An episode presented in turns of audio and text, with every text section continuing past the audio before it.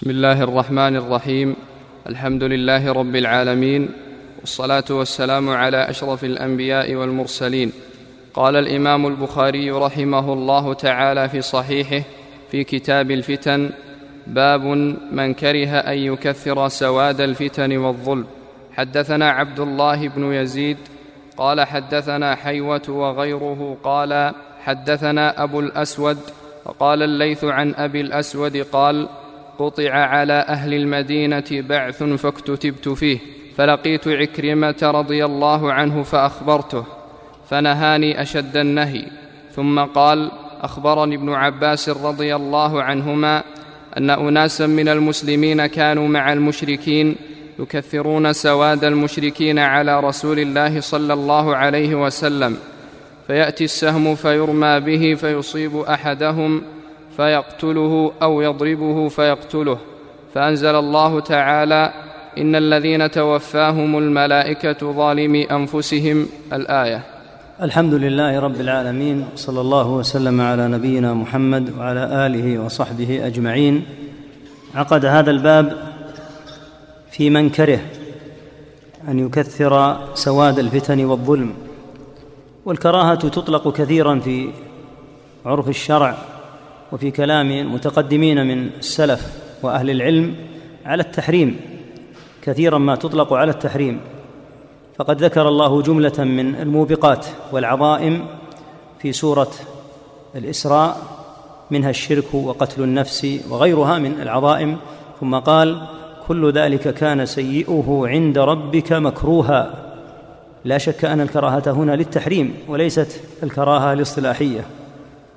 اشتهر عند كثير من المتأخرين في الأصول أن الكراهة تفارق التحريم فالكراهة ما يثاب تاركه ولا يعاقب فاعله وعلى هذا يفرقون بين المحرم الذي لا يجوز فعله وبين ما ينبغي تركه دون تأثيم هذا اصطلاح من المتأخرين وإذا أتي إلى النصوص الشرعية فينبغي أن تفهم حسب المصطلح الشرعي وهذا أمر له اهميته البالغة.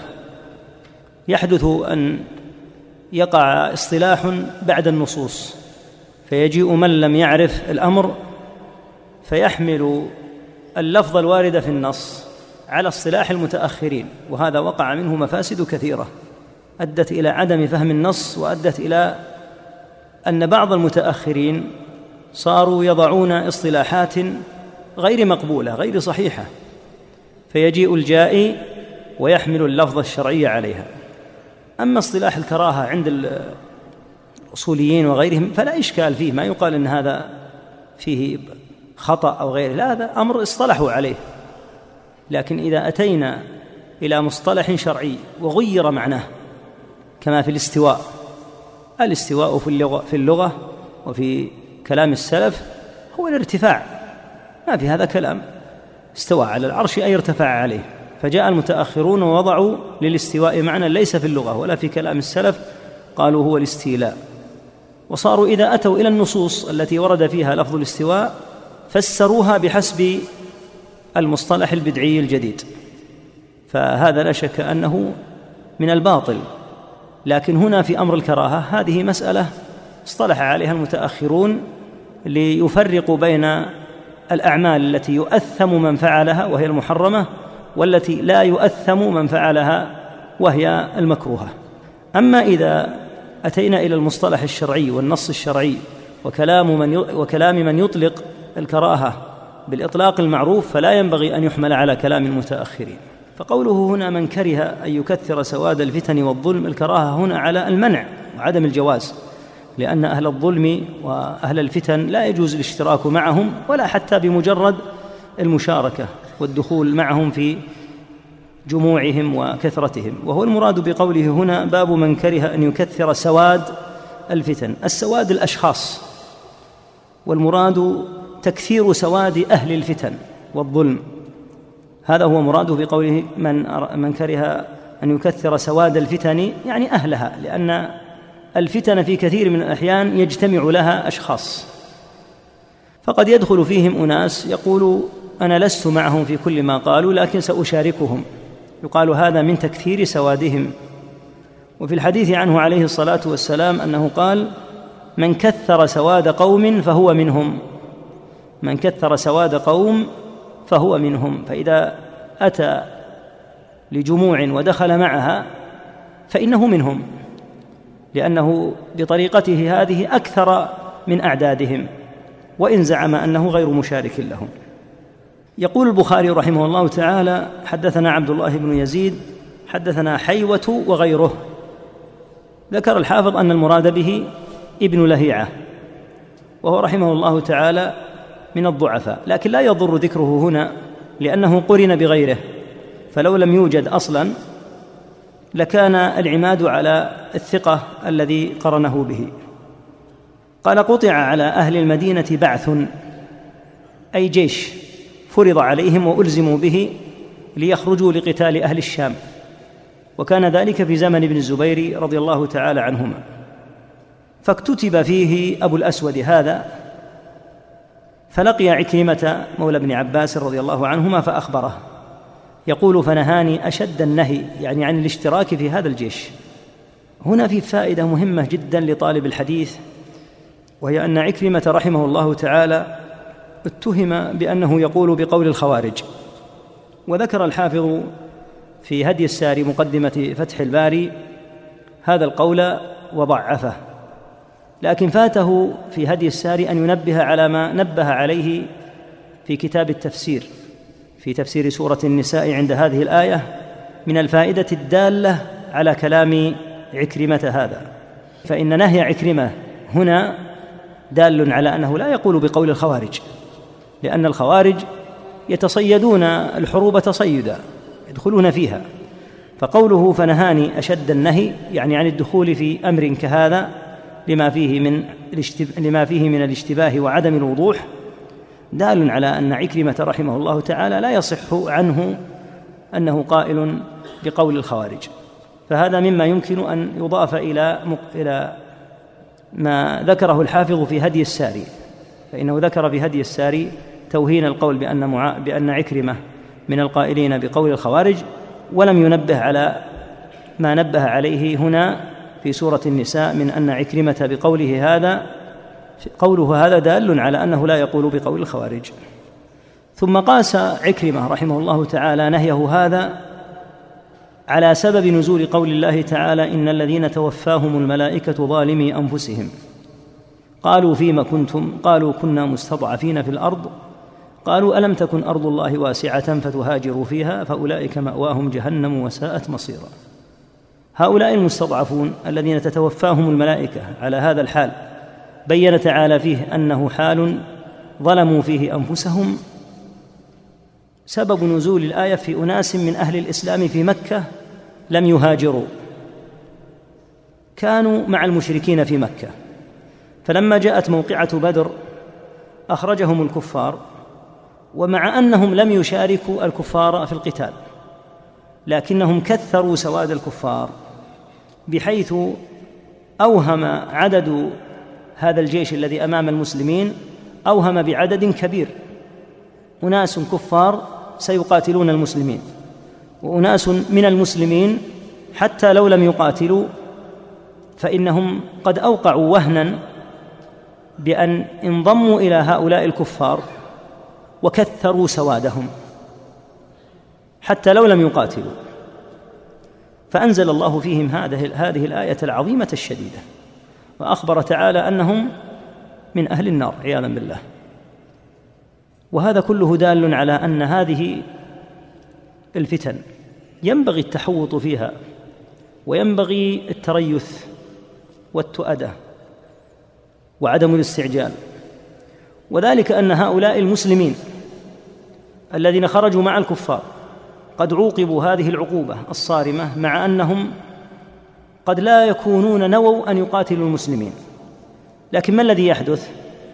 أن المسلمين حين يطلقون النبل أو حين تختلط الصفوف بعضها ببعض قد لا يدرون أن هذا من المسلمين فيقتلونهم يضربه بالسيف أو يأتيه سهم كما في قوله فيصيب أحدهم فيقتله أو يضربه. فأنزل الله إن الذين توفاهم الملائكة ظالمي أنفسهم. وهذا كله دال أيضا على عدم جواز المستضعف من المسلمين عند الكفار. إذا كان قادرا على فراقهم إذا كان يقدر على فراقهم فليس له أن يبقى يفتن في دينه ويعرض محارمه وذريته للوقوع في الكفر أو التزيي بزي أهله. ولهذا كره من كره التسري في بلاد الكفر لأن الأبناء قد يسترقون من قبل الكفار. فكيف بمن يمكث ويبقى بقاء مستديما؟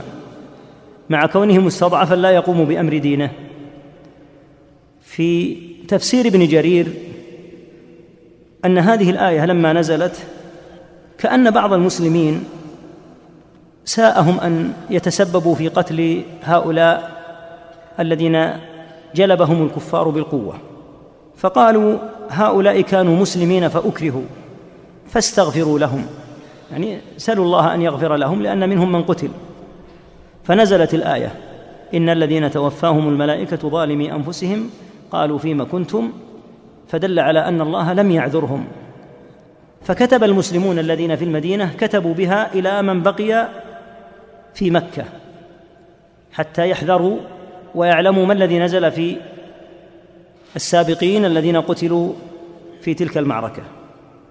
فكتبوا بها إلى من بقي بمكة منهم وأنه لا عذر لهم فخرجوا فلحقهم المشركون فأعطوهم الفتنة يعني أنهم أيضا ضعفوا مع المشركين. حينما فتنوهم فنزلت ومن الناس من يقول آمنا بالله فإذا أوذي في الله جعل فتنة الناس كعذاب الله. فكتب إليهم المسلمون بذلك يعني مرة أخرى فحزنوا وأيسوا من كل خير ثم نزلت فيهم ثم إن ربك للذين هاجروا من بعد ما فتنوا ثم جاهدوا وصبروا إن إن ربك من بعدها لغفور رحيم. فكتبوا إليهم بذلك أيضا ابلاغا كما قال عليه الصلاة والسلام بلغوا عني ولو آية. فكتبوا إليهم بذلك إن الله قد جعل لكم مخرجا. فخرجوا فأدركهم المشركون. فقاتلوهم حتى نجا من نجا يعني ووصل إلى المسلمين وقتل من قتل. وكل هذا دال على شدة المكث والمقام عند الكفار.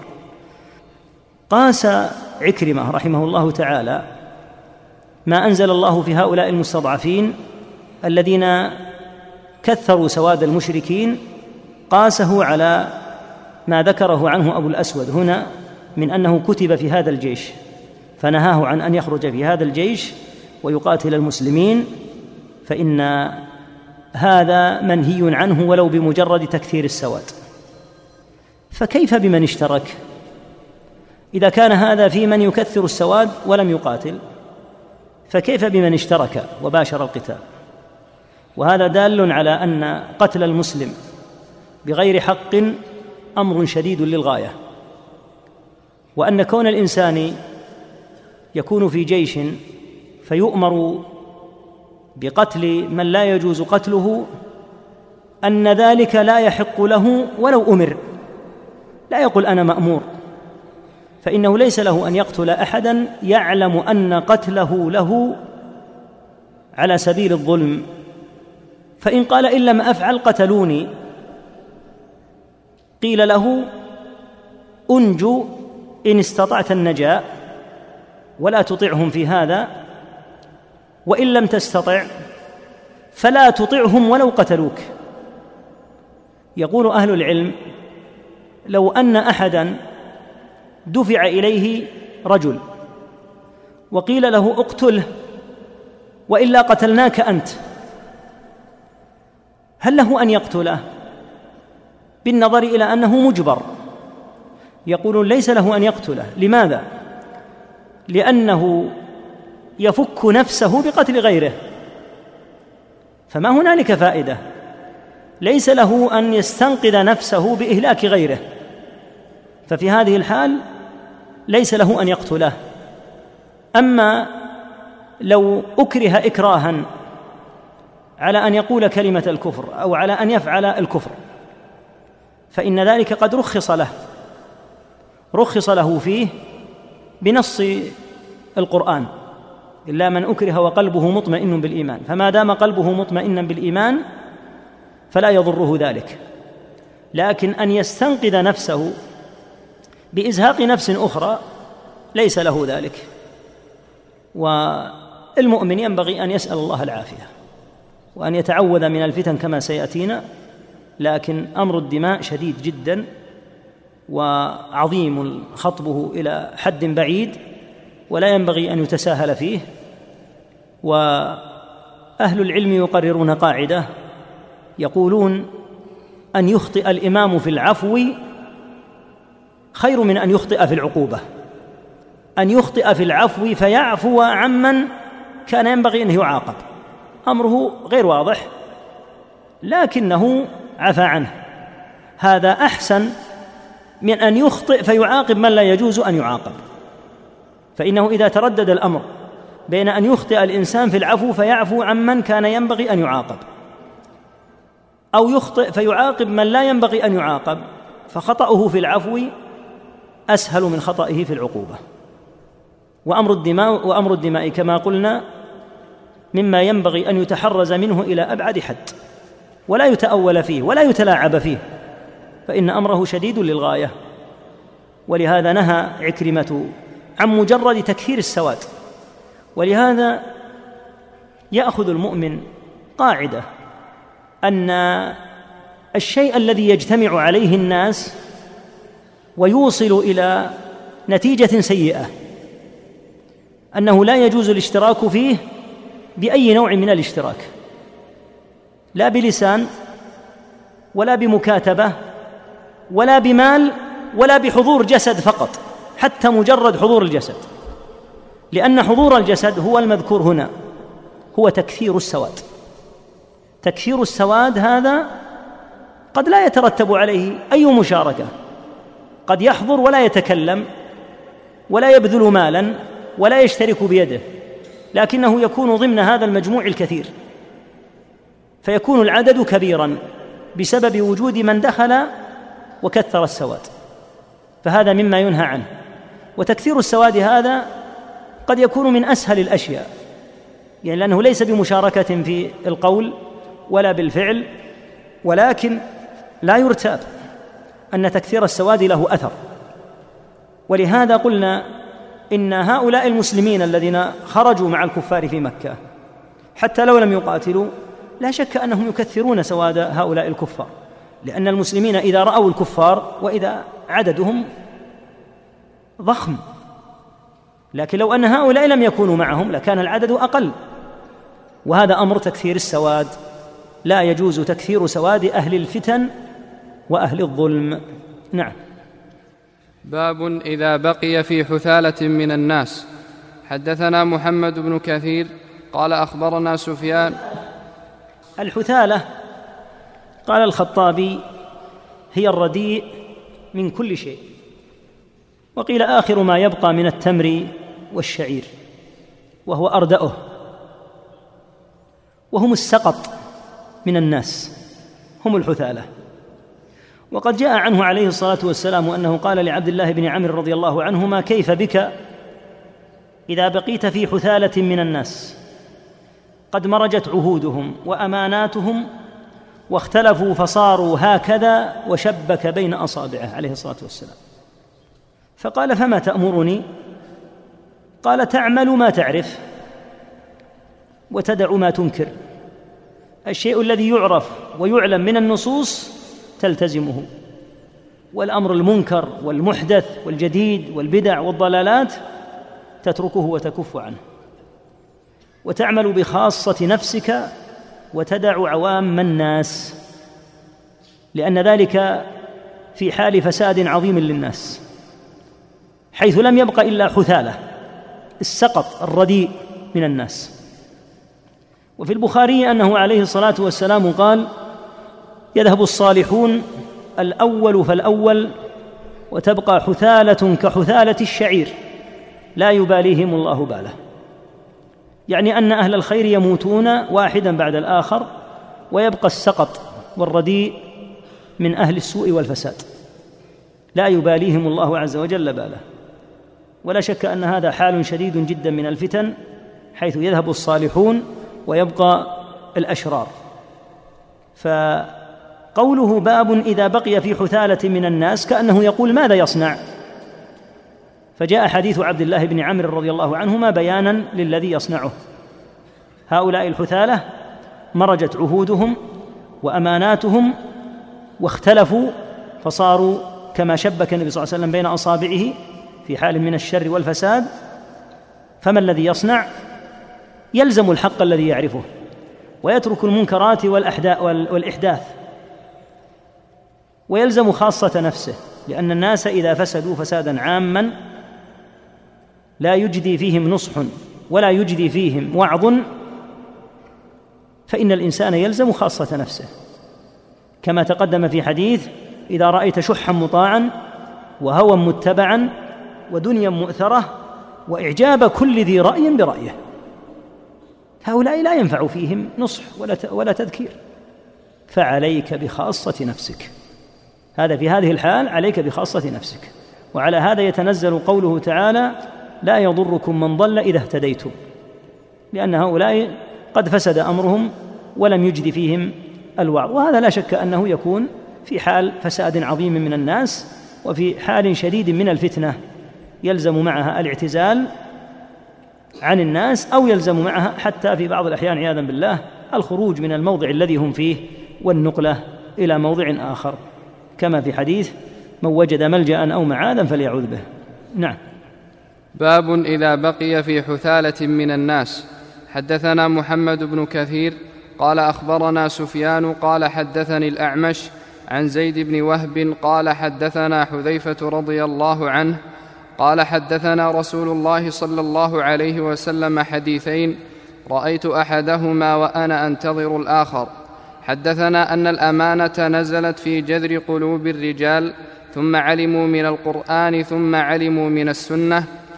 وحدثنا عن رفعها قال ينام الرجل النومة فتقبض الأمانة من قلبه فيظل أثرها مثل أثر الوقت.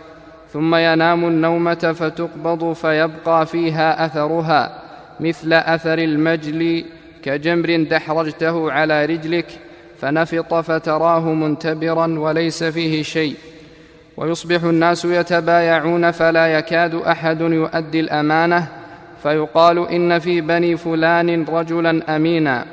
ويقال للرجل ما أعقله وما أظرفه وما أجلده وما في قلبه مثقال حبة خردل من إيمان. ولقد أتى علي زمان ولا أبالي أيكم بايعت. لئن كان مسلما رده علي الإسلام وإن كان نصرانيا رده علي ساعيه. وأما اليوم فما كنت أبايع إلا فلانا وفلانا. هذا حديث عظيم يرويه حذيفة وقد تقدم أن حذيفة رضي الله عنه كان يعتني بالسؤال عن الأمور المرتبطة بالفتنة ليحذرها. كما في قوله كان الناس يسألون رسول الله صلى الله عليه وسلم عن الخير وكنت أسأله عن الشر مخافة أن يدركني. فذكر أن النبي عليه الصلاة والسلام حدث بحديثين. أما أحدهما فرآه واتضح له في سلف كرام أخيار. وأما الثاني فإنه ينتظره. يقول حدثنا أن الأمانة نزلت في جذر قلوب الرجال. الجذر هو الأصل في كل شيء. يعني أنها نزلت في أصل قلوبهم.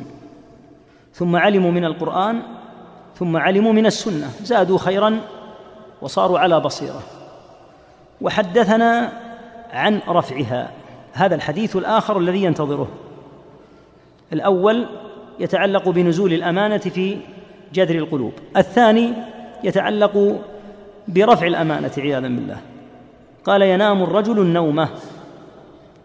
فتقبض الأمانة من قلبه فيظل أثرها مثل أثر الوقت. الوقت أثر الشيء اليسير. الأثر اليسير يسمى وقتا. ثم ينام النوم مرة أخرى. فتقبض يعني الأمانة فيبقى فيها أثرها مثل أثر المجل. المجل أثر العمل في الكف إذا غلظ حين يعمل الإنسان بكفه يكون فيه بعض الآثار تبقى في كفه. ثم قال كجمر دحرجته على رجلك فنفط فتراه منتبرا. الجمر حار فإذا مس الجلد انتبر. المنتبر المتنفط أي يتورم ويمتلئ ماء. ولهذا قال فتراه منتبرا وليس فيه شيء. هو حين تورم ليس في داخله شيء لكنه من آثار الجمر الذي دحرج ويصبح الناس يتبايعون فلا يكاد أحد يؤدي الأمانة. يعني لكثرة الخيانة. وهذا مرتبط بهؤلاء الحثالة. إذا بقي في حثالة يعني تقل الأمانات ويكثر الخونة. فلا يبقى إلا الأمين فلا يبقى إلا النادر من أهل الأمانة. البخاري رحمه الله تعالى أورد هذا الحديث في كتاب الرقاق في باب رفع الأمانة وذكر فيه حديث السائل عن الساعة فقال عليه الصلاة والسلام إذا ضيعت الأمانة فانتظر الساعة. قال وما إضاعتها؟ قال إذا وسد الأمر إلى غير أهله فانتظر الساعة. توسيد الأمر إلى غير أهله خيانة وهو ضرب من ضروب التفريط في الأمانة بأن يجعل متوليا على موضع من المواضع من لا يستحقه. وقد يعلم أنه غير مستحق لكنه حاباه. فهذا من علامات قرب الساعة أن تسند الأمور إلى غير أهلها. إذا وسد الأمر إلى غير أهله فانتظر الساعة. فيقال إن في إن في بني فلان رجلا أمينا. لقلة الأمانة يقول في بني فلان عدد كبير. يذكر أن فيهم واحدا أمينا. وهذا من قلة الأمانة حيث صار أهل الخيانة كثير. يقول ولقد أتى علي زمان ولا أبالي أيكم بايعت. لئن كان مسلما رده علي الإسلام. وإن كان نصرانيا رده علي ساعيه. فيقال إن في بني فيقال إن في بني فلان رجلا أمينا ويقال للرجل ما ما أعقله وما أظرفه وما أجلده. هذا كله مدح له. يتعجب من عقله وجلده وظرفه مع كونه ليس في قلبه من الإيمان ولا حبة خردل حتى. يعني أن الناس تتغير حتى مفاهيمهم فيعظمون السفلة لأن الذي ليس في قلبه من الإيمان مثقال حبة خردل هذا من السفلة. فكيف صار يعظم هذا التعظيم؟ ما اجلده أصل الجلد القوة والصبر ما اظرفه الظرف يكون في اللسان بالبلاغة وفي القلب بالذكاء يعني يمتدح. كل هذا المدح أيضا وما أعقله ثناء على عقله. لرجل ليس في قلبه مثقال ذرة من إيمان. وهذا متناسب لحال الحثالة. الحثالة من الناس هذه مفاهيمهم. أن يعظمون أن يعظموا السفلة.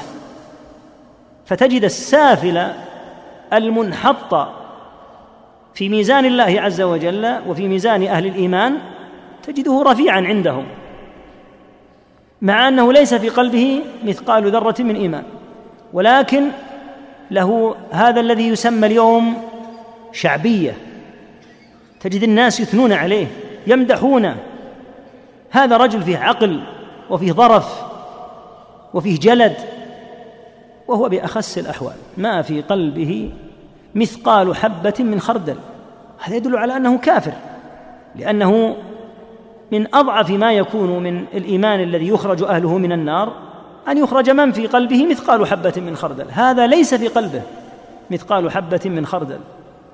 وهذا من الأمور الموحشة في تعظيم الكفار وتعظيم الأسافل وأنها من دلائل فساد الذوق.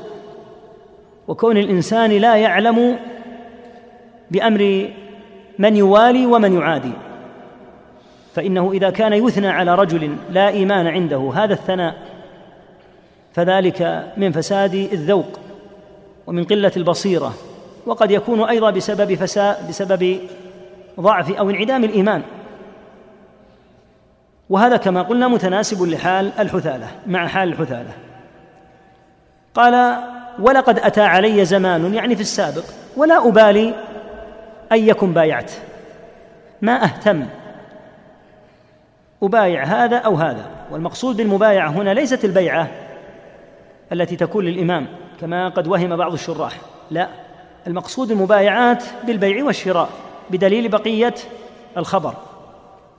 لئن كان مسلما رده علي الإسلام. إذا بعت مسلما فالمسلم المستمسك بدينه فيه أمانة تحدوه تحمله على أن يرجع لو حصل تجن أو خطأ.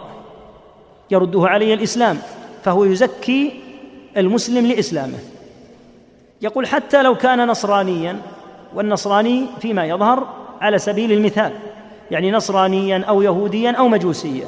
ما يهمني لا يهمني أن أبايعه. لماذا؟ لا لكونه هو امينا لا ليس بأمين هو.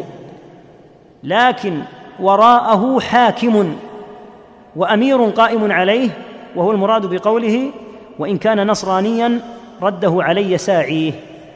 يعني هو خائن لكن وراءه حاكم سيعيد المظلمة وسيعيد الخيانة وسيردعه في حال قيامه بالخيانة. وأما اليوم فما كنت أبايع إلا فلانا وفلانا يعني لقلة الأمانة. إذا كان حذيفة يقول هذا في زمن كذلك الزمن فكيف بزمن مثل زمننا؟ والله المستعان. قال ابن حجر رحمه الله تعالى معقبا على قول حذيفة وإن كان نصرانيا رد علي ساعيه يقول الكافر وإن لم يوثق به فالوالي عليه ينصف منه. معنى كلامه يعني. ثم قال كانوا لا يولون في كل عمل قل أو جل إلا المسلم. يعني الولاية حتى لو كان أمرها يسيرا قليلا لا تكون إلا لمسلم.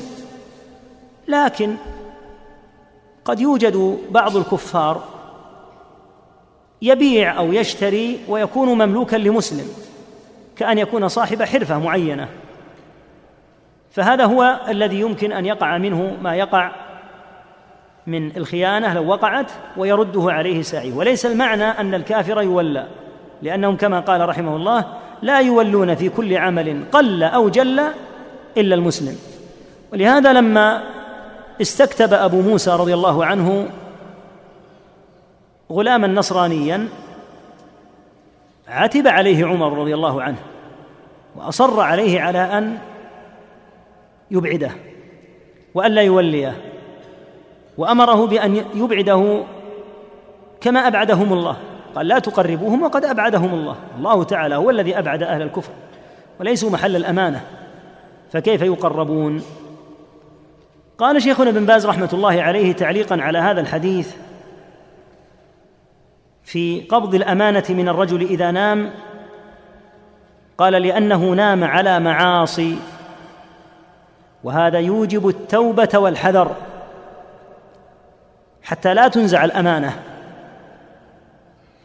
وأعظم الأمانة ما كان مع الله من صلاة وصيام وأمانة التوحيد. معنى كلامه رحمه الله تعالى. وهذه فائدة عظيمة جدا. يقول إن قبض الأمانة من قلبه مرتبط بعمل عمله مرتبط بعمل عمله قبل أن ينام وهو أنه نام على معصية. كما يقع من كثير من الناس اليوم. ينامون وقد ملأوا أعينهم عياذا بالله بصور لا يحل النظر إليها. تصل في بعض الأحيان نسأل الله العافية والسلامة إلى حد العورات في هذه القنوات التي سلطها أهل الكفر على أهل الإسلام ليزحزحوهم عن أخلاقهم وآدابهم. ثم يأتي الواحد فينام. ففي كلام شيخنا بن باز رحمه الله تحذير فائدة مهمة أن هؤلاء قد تنزع الأمانة من قلوبهم كما في الحديث بالتدريج. فإن ينام النوم فتقبض الأمانة ثم ينام النوم الثانية فتقبض ويبقى أثرا يسيرا لها حتى تنزع حتى تنزع عياذا بالله. وهذا فيه خطورة النوم على المعاصي. وقد ثبت عن النبي صلى الله عليه وسلم أنه قال إنما الأعمال بالخواتيم. وكون الأعمال بالخواتيم يدل على أن الإنسان إذا ختم له بعمل صالح فإنه يبعث عليه. وإذا ختم له بعمل سيء فإن تلك خاتمته نسأل الله العافية من سوء الختام. وقد عظمت البلية بنوم كثيرين عن صلاة الفجر. يضبط أحدهم المنبه على الساعة السابعة. وهو يعلم أن الأذان الآن الرابعة إلا ثلث أو الرابعة إلا ربع. يعلم قطعا أن الوقت أن الجماعة ستفوت وأن وقت الفجر سينتهي وستخرج الشمس ثم ينام. ألا يمكن أن يموت؟ بلى. وقد قال عليه الصلاة والسلام النوم الموتة الصغرى. وقد مات أناس في فرشهم ما آخر عمل عملوه؟ أن أصروا على ترك صلاة الفجر. هذا آخر عمل. لأنه ضبط المنبه على السابعة ونام ثم توفي. فهذا آخر عمله. فيلقى الله تعالى متعمدا ترك صلاة الفجر وإخراجها عن وقتها أيضا. هذه أمور تستوجب من الدعاة إلى الله تعالى ومن طلاب العلم.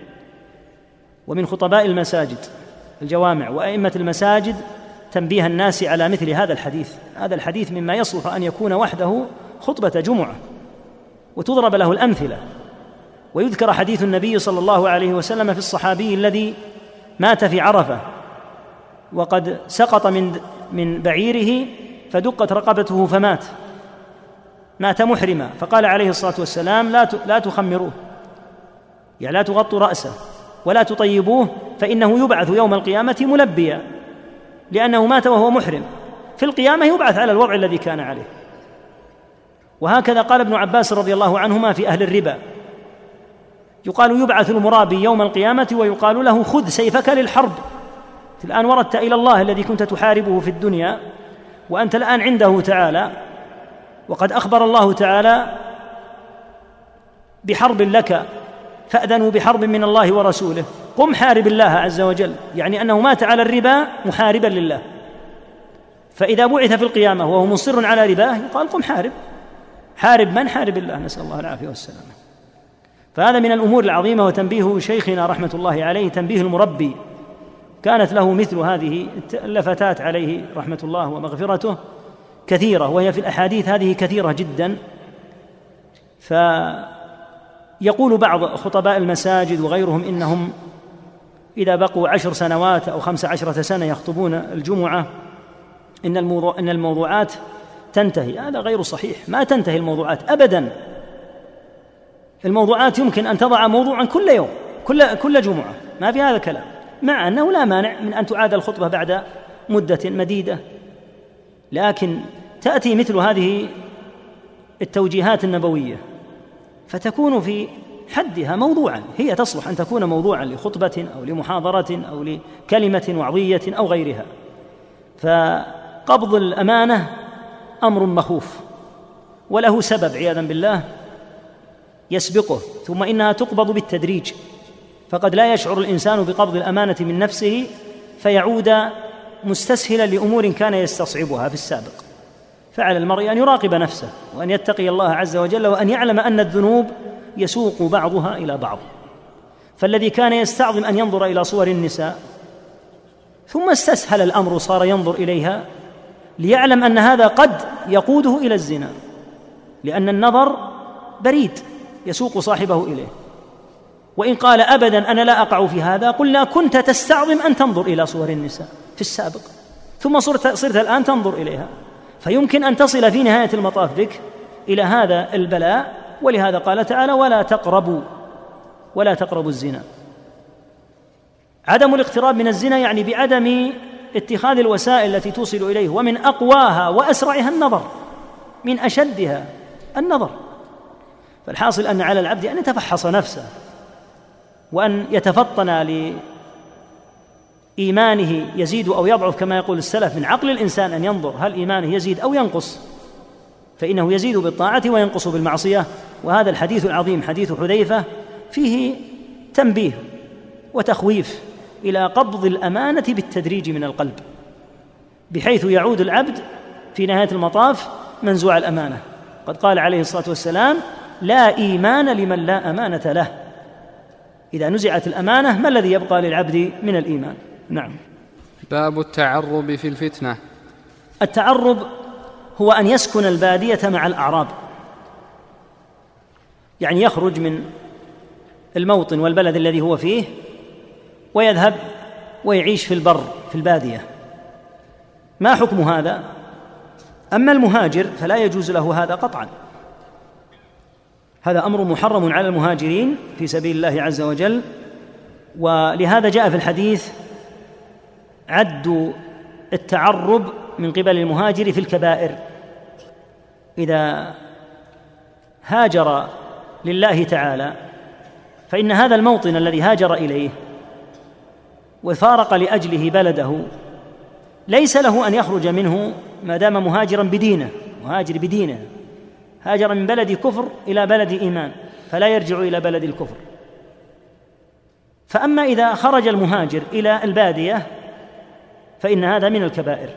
خرج إليها ليستوطن المقصود يستوطن وينزل هناك ويقيم إقامة.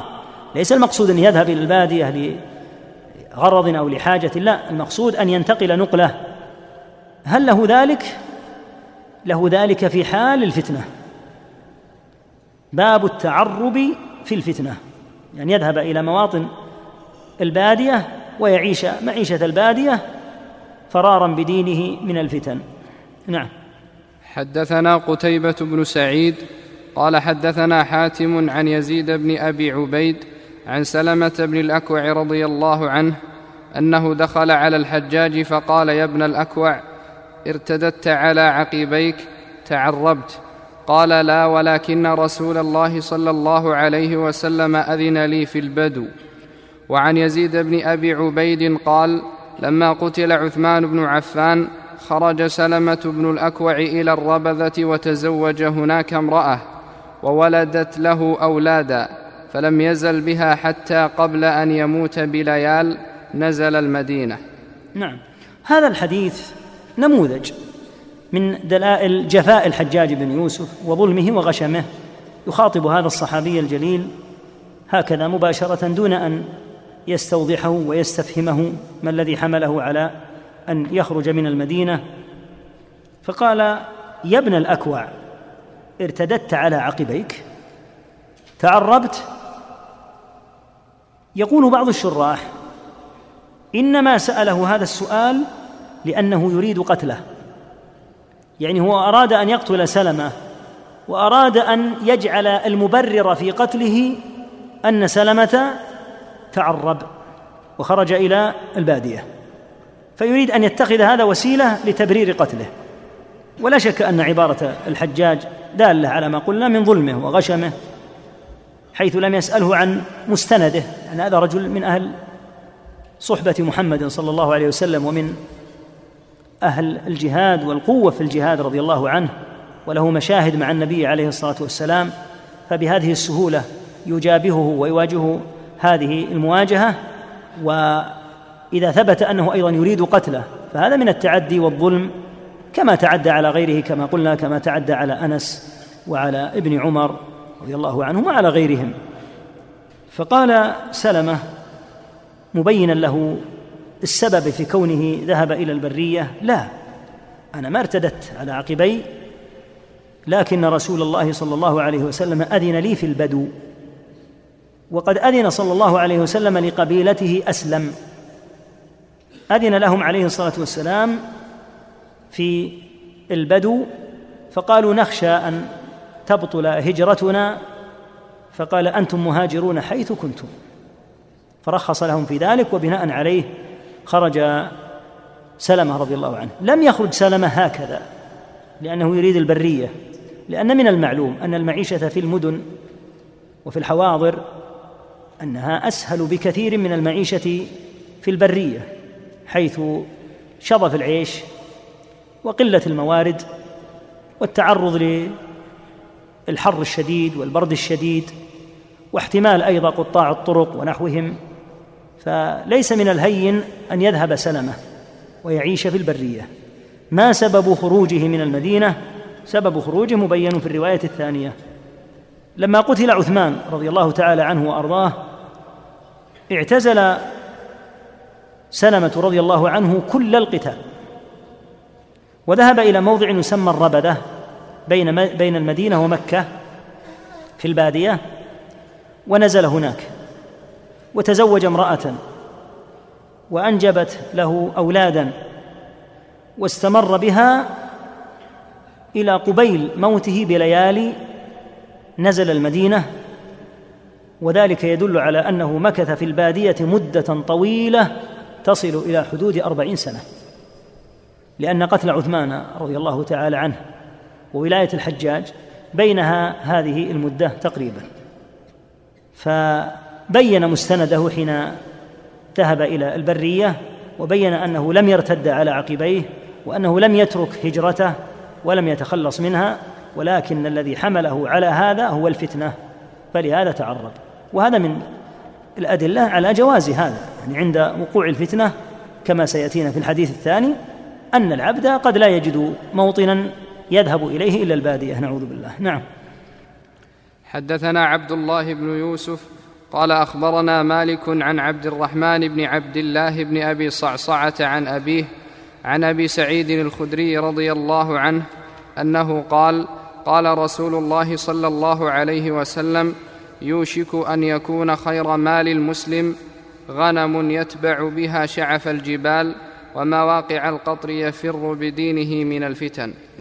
كأنه أورد هذا الحديث بعد حديث سلمة ليبين عذر سلمة في ذهابه للبادية وأن هذا من المستند الذي يستند إليه من خرج من البلد إلى خارج البلاد في البرية وجهات الجبال إذا كان هناك فتنة تعم الناس ولا سيما إذا وقع قتال ووقع شيء من الخلاف الشديد فإنه ينأى بنفسه عنه.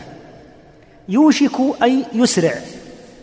لما يدل على أن هذا الأمر قريب. أن يكون خير مال المسلم غنم. خير هنا هي خبر كان مقدم وغنم هو اسمها مؤخر. ويمكن العكس. لكنها وردت هكذا أن يكون خير مال المسلم غنم. خير المال غنم؟ نعم. بسبب ما بعده. يتبع بها شعف الجبال. الشعف جمع شعفة وهي رؤوس الجبال. يكون فيها مياه يكون فيها شيء من ما تأكله هذه الأغنام. يتبع هذه الجبال العالية مع صعوبة هذا. أغنام في برية وفي أعالي الجبال ويتبع مواقع القطر القطر والمطر لأن من شأن من عنده أغنام أن يذهب بها يبحث عن النبات ما يبقى في مكان واحد. وهذا يقتضي نوعا من التنقل والإجهاد الشديد. لا يقارن هذا بالباقي في بلده في حرثه وبستانه وسوقه. لا شك أنه مستريح. لكن لما فعل هذا يفر بدينه من الفتن. هذا الدين أغلى وأعظم ما يملكه المسلم. فلا يؤثر عليه بلدا ولا يؤثر عليه قبيلة ولا أولادا ولا اموالا ولا نفسه التي بين جنبه. فما دام الأمر أمر فتنة ويمكن أن يقع فيها فإنه يذهب حتى لو كان سيترتب على هذا شيء من صعوبة المعيشة. وإلا فإن الذي يجرب المعيشة في البلد حيث الراحة وحيث رغد العيش يعلم أن النقلة إلى البرية فيها صعوبة بالغة ولا سيما إذا كان معه أغنام يذهب بها هنا وهنا يتبع مواقع القطر حتى لا تموت عليه أغنامه. ويتبع شعف الجبال وهي رؤوسها العالية. لما كل هذا التعني وهذا التعب؟ لأنه يريد أن يحرز دينه. شحيح لا بماله ولكن بالدين. الدين يشح به. أن يقذف في المهامه وفي الفتن. حتى لو أدى إلى هذه الصعوبة يفر بدينه من الفتن. ولهذا قال صلى الله عليه وسلم رأس الأمر الإسلام. أعظم شيء وأرفع شيء وأجل شيء هو الإسلام. وما دون الإسلام وما سوى الإسلام فهو دونه. ايا كان. فلهذا فر بدينه من الفتن رغم هذه الصعوبة في المعيشة لكن كما قلنا سلامة الدين لا يعدلها شيء يفر بدينه من الفتن. هذا هو سبب كونه يذهب متتبعا لشعف الجبال ولمواقع القطر وأخذه لهذه الأغنام فهو لا يريد البيع والشراء والتجارة بها لا لا يريد هذا. إنما يريد السلامة لدينه. نعم. باب التعوذ من الفتن. التعوذ من الفتن. استعاذة بالله عز وجل نوع من العبادة. يتعوذ بالله عز وجل من الشر كله. والشر منه ما تعلمه ومنه ما لا تعلمه. ولهذا في المأثور من الدعاء اللهم إني أعوذ بك من اللهم إني أسألك من الخير كله عاجله وآجله ما علمت منه وما لم أعلم. وأعوذ بك من الشر كله عاجله وآجله ما علمت منه وما لم أعلم. فمن الشر ما لا تعلمه فتتعوذ بالله منه وتحيل علمه إليه تعالى. فيتعوذ بالله من شر كل ذي شر ومن أعظم ما يتعوذ به التعوذ لا يكون إلا بالله تعالى وبأسمائه وصفاته. من أعظم ما يتعوذ منه. ما ذكر في سورة الناس وفي سورة الفلق. ما تعوذ المتعوذون بمثلهما؟ قل أعوذ برب الفلق من شر ما خلق ومن شر غاسق إذا وقب ومن شر النفاثات في العقد ومن شر حاسد إذا حسد. وفي سورة الناس قل أعوذ برب الناس ملك الناس إله الناس من شر الوسواس الخناس. يستعاذ بالله يلتجأ إليه. ويعتصم به. الاستعاذة الالتجاء والاعتصام بالله. من الفتن. وهذا مما ينبغي عدم الغفلة عنه. في كل وقت ولا سيما في مثل الأوقات التي نكون فيها في آخر الزمان لأنها تكثر الفتن كما تقدم في حديث مسلم إن أمتكم هذه جعل عافيتها في أولها وسيصيب آخرها بلاء وأمور تنكرونها. فينبغي أن يلاحظ المؤمن التعوذ بالله من الفتن. يتعوذ بالله من الفتن ويسأل الله أن يجنبه الفتن ولو حتى بقبض روحه. كما في الدعاء المأثور اللهم إني أسألك فعل الخيرات وترك المنكرات وحب المساكين وأن تغفر لي وترحمني وإذا أردت بقوم فتنة فاقبضني إليك. غير مفتون. علام الغيوب سبحانه وتعالى يعلم أوقات الفتن ويعلم أماكن الفتن. فالمؤمن يدعو الله الذي يعلم الغيب إن أراد بقوم فتنة الا يجعله في المفتونين. ولو بقبض روحه وإذا أردت بقوم فتنة فاقبضني إليك غير مفتون. وقال صلى الله عليه وسلم إن السعيد لمن جنب الفتن. يرددها ثلاث مرات عليه الصلاة والسلام. فالسعيد ليس ذا المال الواسع والقصور وأنواع المراكب والتلون في المآكل والمشارب. السعيد والله من سلمه الله من الفتن لأن الفتن من أعظم ما يمحق الدين. الفتن عياذا بالله من أشد ما يمحق الدين ومن أشد ما يحبط الأعمال. وفيها مزية أعاذنا الله منها وهي أن كثيرين ممن يدخلونها ممن يشتركون فيها يكونون جميعا من أهل النار. كما في الحديث السابق قتلاها كلها في النار. فتتسبب الفتن في دخول أناس كثيرين إلى النار. والفتن تتسبب في وهن الأمة وضعفها. مع ما فيها من سفك الدماء ومع ما فيها من عدم أمن السبل وانقطاع الطريق بعض الأحيان إلى الحج وإلى العمرة وعدم الأمن للمسافر وعدم الأمن في بعض الأحيان حتى داخل البلد توهن الأمة تضعف الأمة. فتجد الأمة التي دبت فيها الفتنة تجد أنها تضعف. وكلما اشتدت الفتنة فيها ضعفت. ضعفت حتى ربما صارت في أضعف الأمم. فالفتن تدمر الأمم. تضعفها لأن الناس إذا كان البأس بينهم أهلك بعضهم بعضا ودمر بعضهم بعضا كما سيأتينا في كلام لمعاوية رضي الله عنه لما التقى جيشه بجيش الحسن رضي الله عنه وكيف أنهما ترك القتال لأجل عدم ضعف الأمة كما سيأتي في موضعه بعون الله تعالى. فينبغي الحرص على التعوذ من الفتن والسلامة والبحث عن السلامة من أسبابها. لأن للفتن اسبابا. من تعرض لهذه الفتن كما سيأتي. الذي يتعرض الذي كما مضى. الذي يتعرض لها لا شك أنها ستأخذه وسيكون واحدا من أهلها. من استشرف لها استشرفته. من تطلع للفتن فإنه يدك في وسطها عياذا بالله. نعم. باب التعوذ من الفتن. حدثنا معاذ بن فضالة قال حدثنا هشام عن قتادة عن أنس رضي الله عنه قال, قال سألوا النبي صلى الله عليه وسلم حتى أحفوه بالمسألة وصعد النبي صلى الله عليه وسلم ذات يوم المنبر فقال لا تسألوني عن شيء إلا بينت لكم فجعلت أنظر يمينا وشمالا فإذا كل رجل لافا رأسه في ثوبه يبكي فأنشأ رجل كان إذا لاحى يدعى إلى غير أبيه فقال يا نبي الله من أبي؟ فقال أبوك حذافة. ثم أنشأ عمر فقال رضينا بالله ربا وبالإسلام دينا وبمحمد رسولا. نعوذ بالله من سوء الفتن. فقال النبي صلى الله عليه وسلم ما رأيت في الخير والشر كاليوم قط. إنه صورت لي النار إنه صورت لي الجنة والنار حتى رأيتهما دون الحائط. فكان قتادة يذكر هذا الحديث عند هذه الآية يا أيها الذين آمنوا لا تسألوا عن أشياء إن تبد لكم تسؤكم.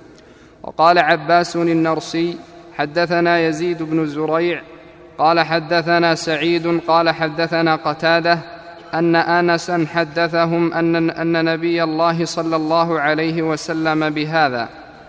وقال كل رجل لافا رأسه في ثوبه يبكي. وقال عائذا بالله من سوء الفتن. أو قال أعوذ بالله من سوء الفتن.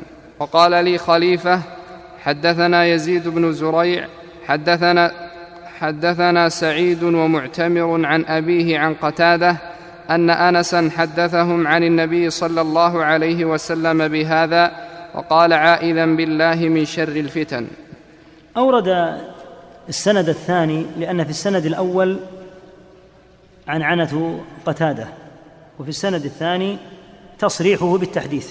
فلهذا أورد السند الثاني لأن فيه التصريح بالتحديث. في هذا الحديث أن ناسا سألوا النبي صلى الله عليه وسلم حتى أحفوه أي ألحوا عليه بكثرة الأسئلة. قال شيخنا ابن باز رحمه الله كأن بعض المنافقين أراد أن يظهر أنه لا يجيب عن كل سؤال.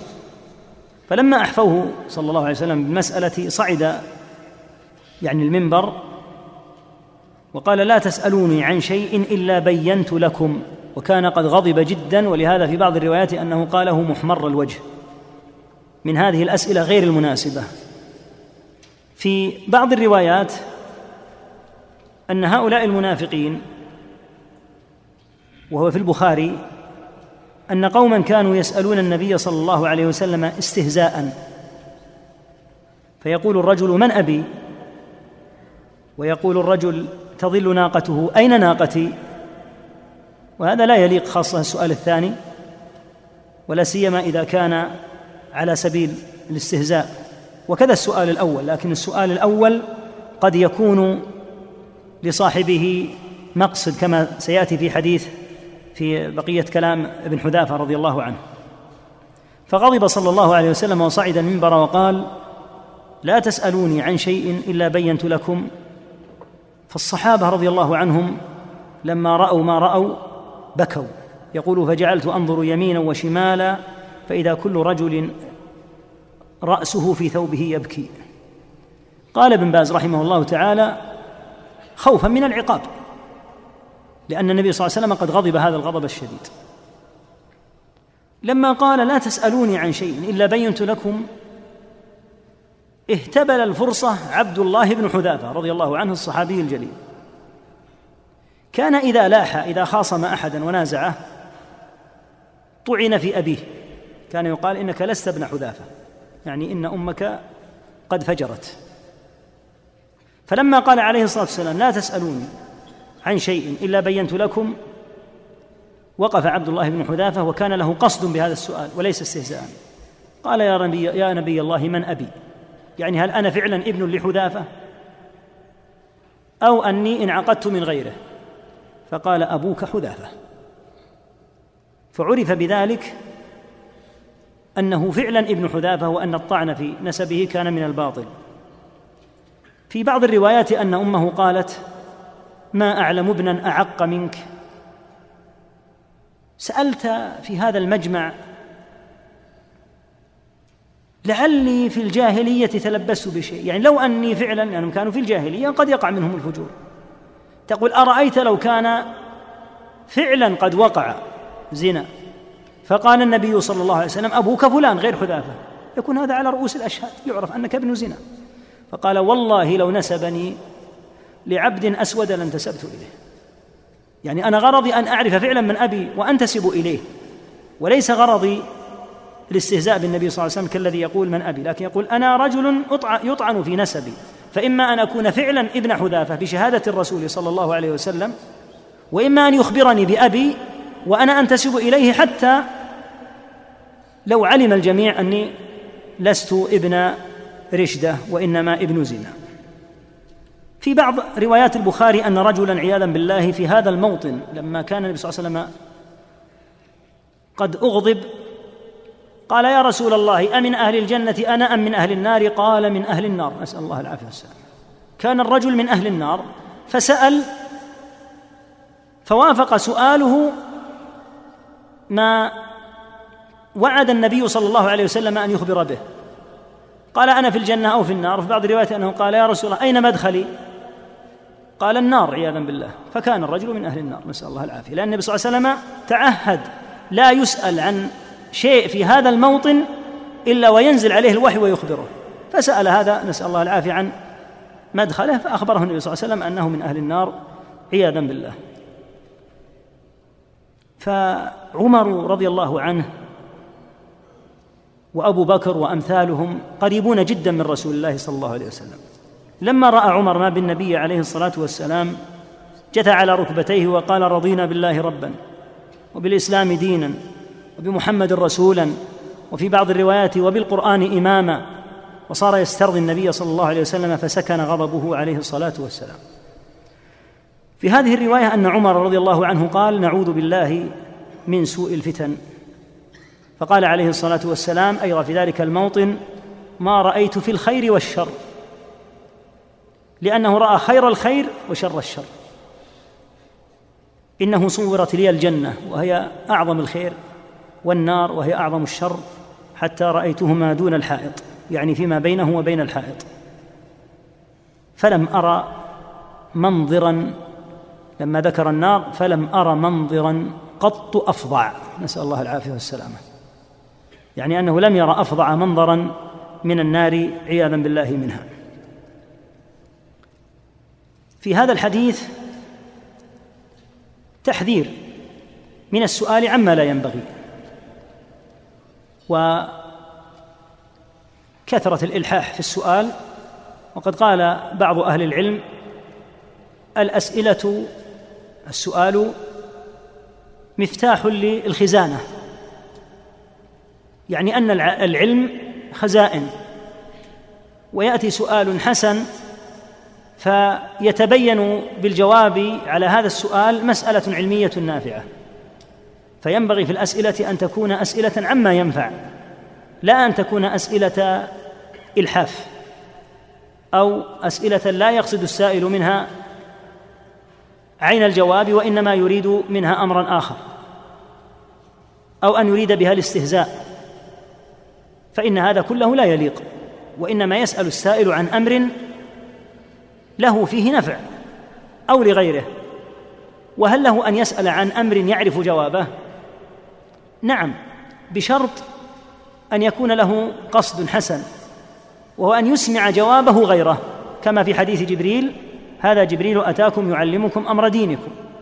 فقد يسأل السائل عن أمر يعلمه لكنه يريد أن يسمع غيره جوابه فهذا محمود لا بأس به لكن أن يسأل أسئلة لا حاجة إليها أو أن يسأل أسئلة يتقصد من ورائها أمورا أخرى. تكون ملفوفة داخل هذا السؤال فكل هذا لا يليق ولا ينبغي بطالب العلم. ولهذا لما سئل النبي صلى الله عليه وسلم هذه الأسئلة غضب هذا الغضب. ونزل قوله تبارك وتعالى كان يقرأ قتادة رحمه الله تعالى عند عند هذه الآية يا أيها الذين آمنوا لا تسألوا عن أشياء إن تبد لكم تسؤكم. حاصل هذا الحديث ما ذكر فيه من التعوذ من الفتن حيث تعوذ صلى الله عليه وسلم من سوء الفتن وفي اللفظ الآخر من شر من شر الفتن. الفتن منها ما هو؟ فتنة الأولاد والأموال. إنما أموالكم وأولادكم فتنة. فالإنسان لا يتعوذ بالله من الأولاد. لا لا يقصد بتعوذه أن يتعوذ من الأولاد أو من الأموال ولكن يتعوذ من شر الفتن. لأن الفتن منها ما هو شر ومنها ما هو سوء. فلهذا كان صلى الله عليه وسلم يقول أعوذ بالله من سوء الفتن أو من شر الفتن. فالشاهد من الحديث والمطابق للترجمة تعوذه عليه الصلاة والسلام من شر الفتن. نعم. باب قول النبي صلى الله عليه وسلم الفتنة من قبل المشرق. قوله عليه الصلاة والسلام الفتنة من قبل من قبل المشرق يعني من جهة المشرق. ففيه تحديد الجهة التي تكون منها الفتنة. نعم. حدثنا عبد الله بن محمد قال حدثنا هشام قال حدثنا هشام بن يوسف عن معمر عن الزهري عن سالم عن أبيه عن النبي صلى الله عليه وسلم أنه قام إلى جنب المنبر فقال الفتنة ها هنا الفتنة ها هنا من حيث يطلع قرن الشيطان أو قال قرن الشمس. كذا شك الراوي هل قال قرن الشيطان أو قال قرن الشمس؟ كثير من الروايات فيها قرن الشيطان. وفي بعض الروايات في البخاري ومسلم أن الشمس تطلع بين قرني الشيطان. وكان أهل الشرك يسجدون للشمس عند طلوعها فيقارنها الشيطان حتى تكون السجدة واقعة له. كذا قال بعض أهل العلم فالحاصل أن الفتنة ها هنا يريد بها عليه الصلاة والسلام جهة المشرق وكان يشير إلى جهة المشرق. الفتنة ها هنا الفتنة ها هنا من حيث يطلع قرن الشيطان أو قرن الشمس. نعم. حدثنا قتيبة بن سعيد قال حدثنا ليث عن نافع عن ابن عمر رضي الله عنهما أنه سمع رسول الله صلى الله عليه وسلم وهو مستقبل المشرق يقول ألا إن الفتنة ها هنا من حيث يطلع قرن الشيطان. قوله وهو مستقبل المشرق هو المراد بقوله ها هنا حيث كان مستقبلا المشرق. قوله ها هنا إشارة إلى المشرق. نعم. حدثنا علي بن عبد الله قال حدثنا أزهر بن سعد عن ابن عون عن نافع عن ابن عمر رضي الله عنهما قال ذكر النبي صلى الله عليه وسلم اللهم بارك لنا في شامنا اللهم بارك لنا في يماننا قالوا يا رسول الله وفي نجدنا. قال اللهم بارك لنا في شامنا. اللهم بارك لنا في يماننا قالوا يا رسول الله وفي نجدنا. فأظنه قال في الثالثة هناك الزلازل والفتن وبها يطلع قرن الشيطان. في هذا الحديث أن النبي صلى الله عليه وسلم دعا لموطنين بالبركة وهما الشام واليمن. سميت اليمن يمنا لأنها تلي يمين الكعبة. الكعبة يمينها جهة اليمن. وسميت الشام شاما لأنها عن شمال الكعبة. ولهذا سمي الركن الذي إلى جهة اليمن سمي الركن اليماني لأنه إلى جهة اليمن. ثم طلبوه عليه الصلاة والسلام في أمر نجد. قالوا وفي نجدنا؟ فكرر الدعاء للشام ولليمن. قالوا يا رسول الله مرة أخرى وفي نجدنا؟ يقول فاظنه قال في الثالثة هناك الزلازل والفتن وبها يطلع قرن الشيطان. ذكر في هذا الحديث أن نجدا بها الآتي الزلازل وبها الفتن وبها يطلع قرن الشيطان. ما المراد بنجد في الحديث؟ منهم من حملها على نجد البلاد المعروفة هذه قالوا حيث وقعت بها الردة. حيث ارتد عدد كبير في نجد. مع أن الردة لم تكن خاصة بنجد فقد وقعت أيضا ردة باليمن وبغيرها. ومن أهل العلم من حمل نجدا على العراق. وقال المقصود بنجد العراق لاعتبارات. من أهم هذه الاعتبارات الرجوع إلى نجد المدينة لأن النبي عليه الصلاة والسلام يقول اللهم بارك لنا في شامنا ويمننا.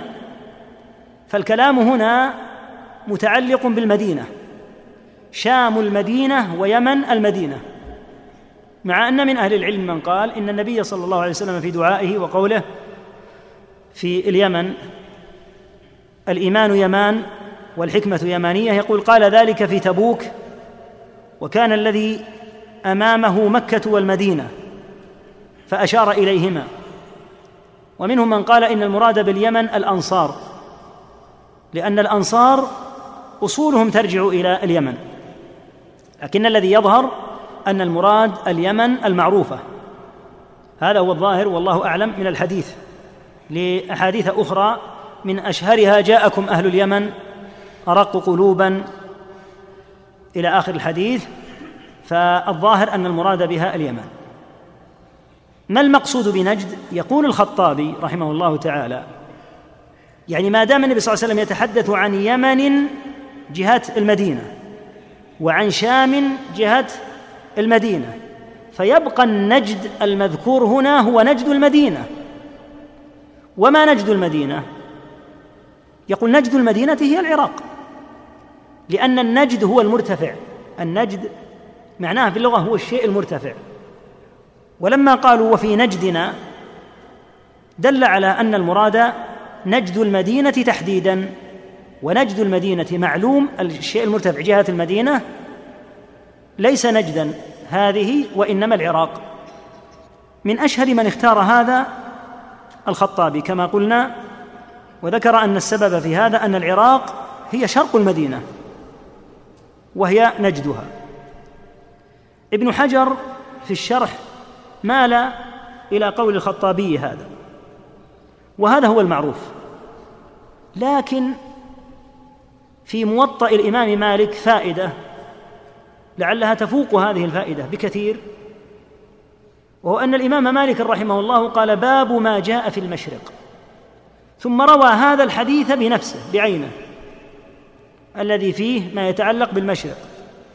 ثم أتبعه بخبر. فيه أن عمر أراد الخروج إلى العراق فقال كعب لا تخرج فإن بها تسعة أعشار السحر وبها فسقة الجن وبها الداء العضال يعني الأهواء الشاهد أين هو؟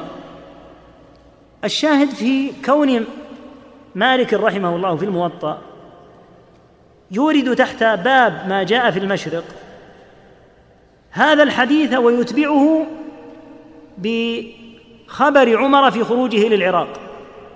فالذي يظهر والله أعلم إما بطريق الاستنباط وإما بطريق الجزم أن مالكا يحمل المشرق في الحديث على العراق أيضا.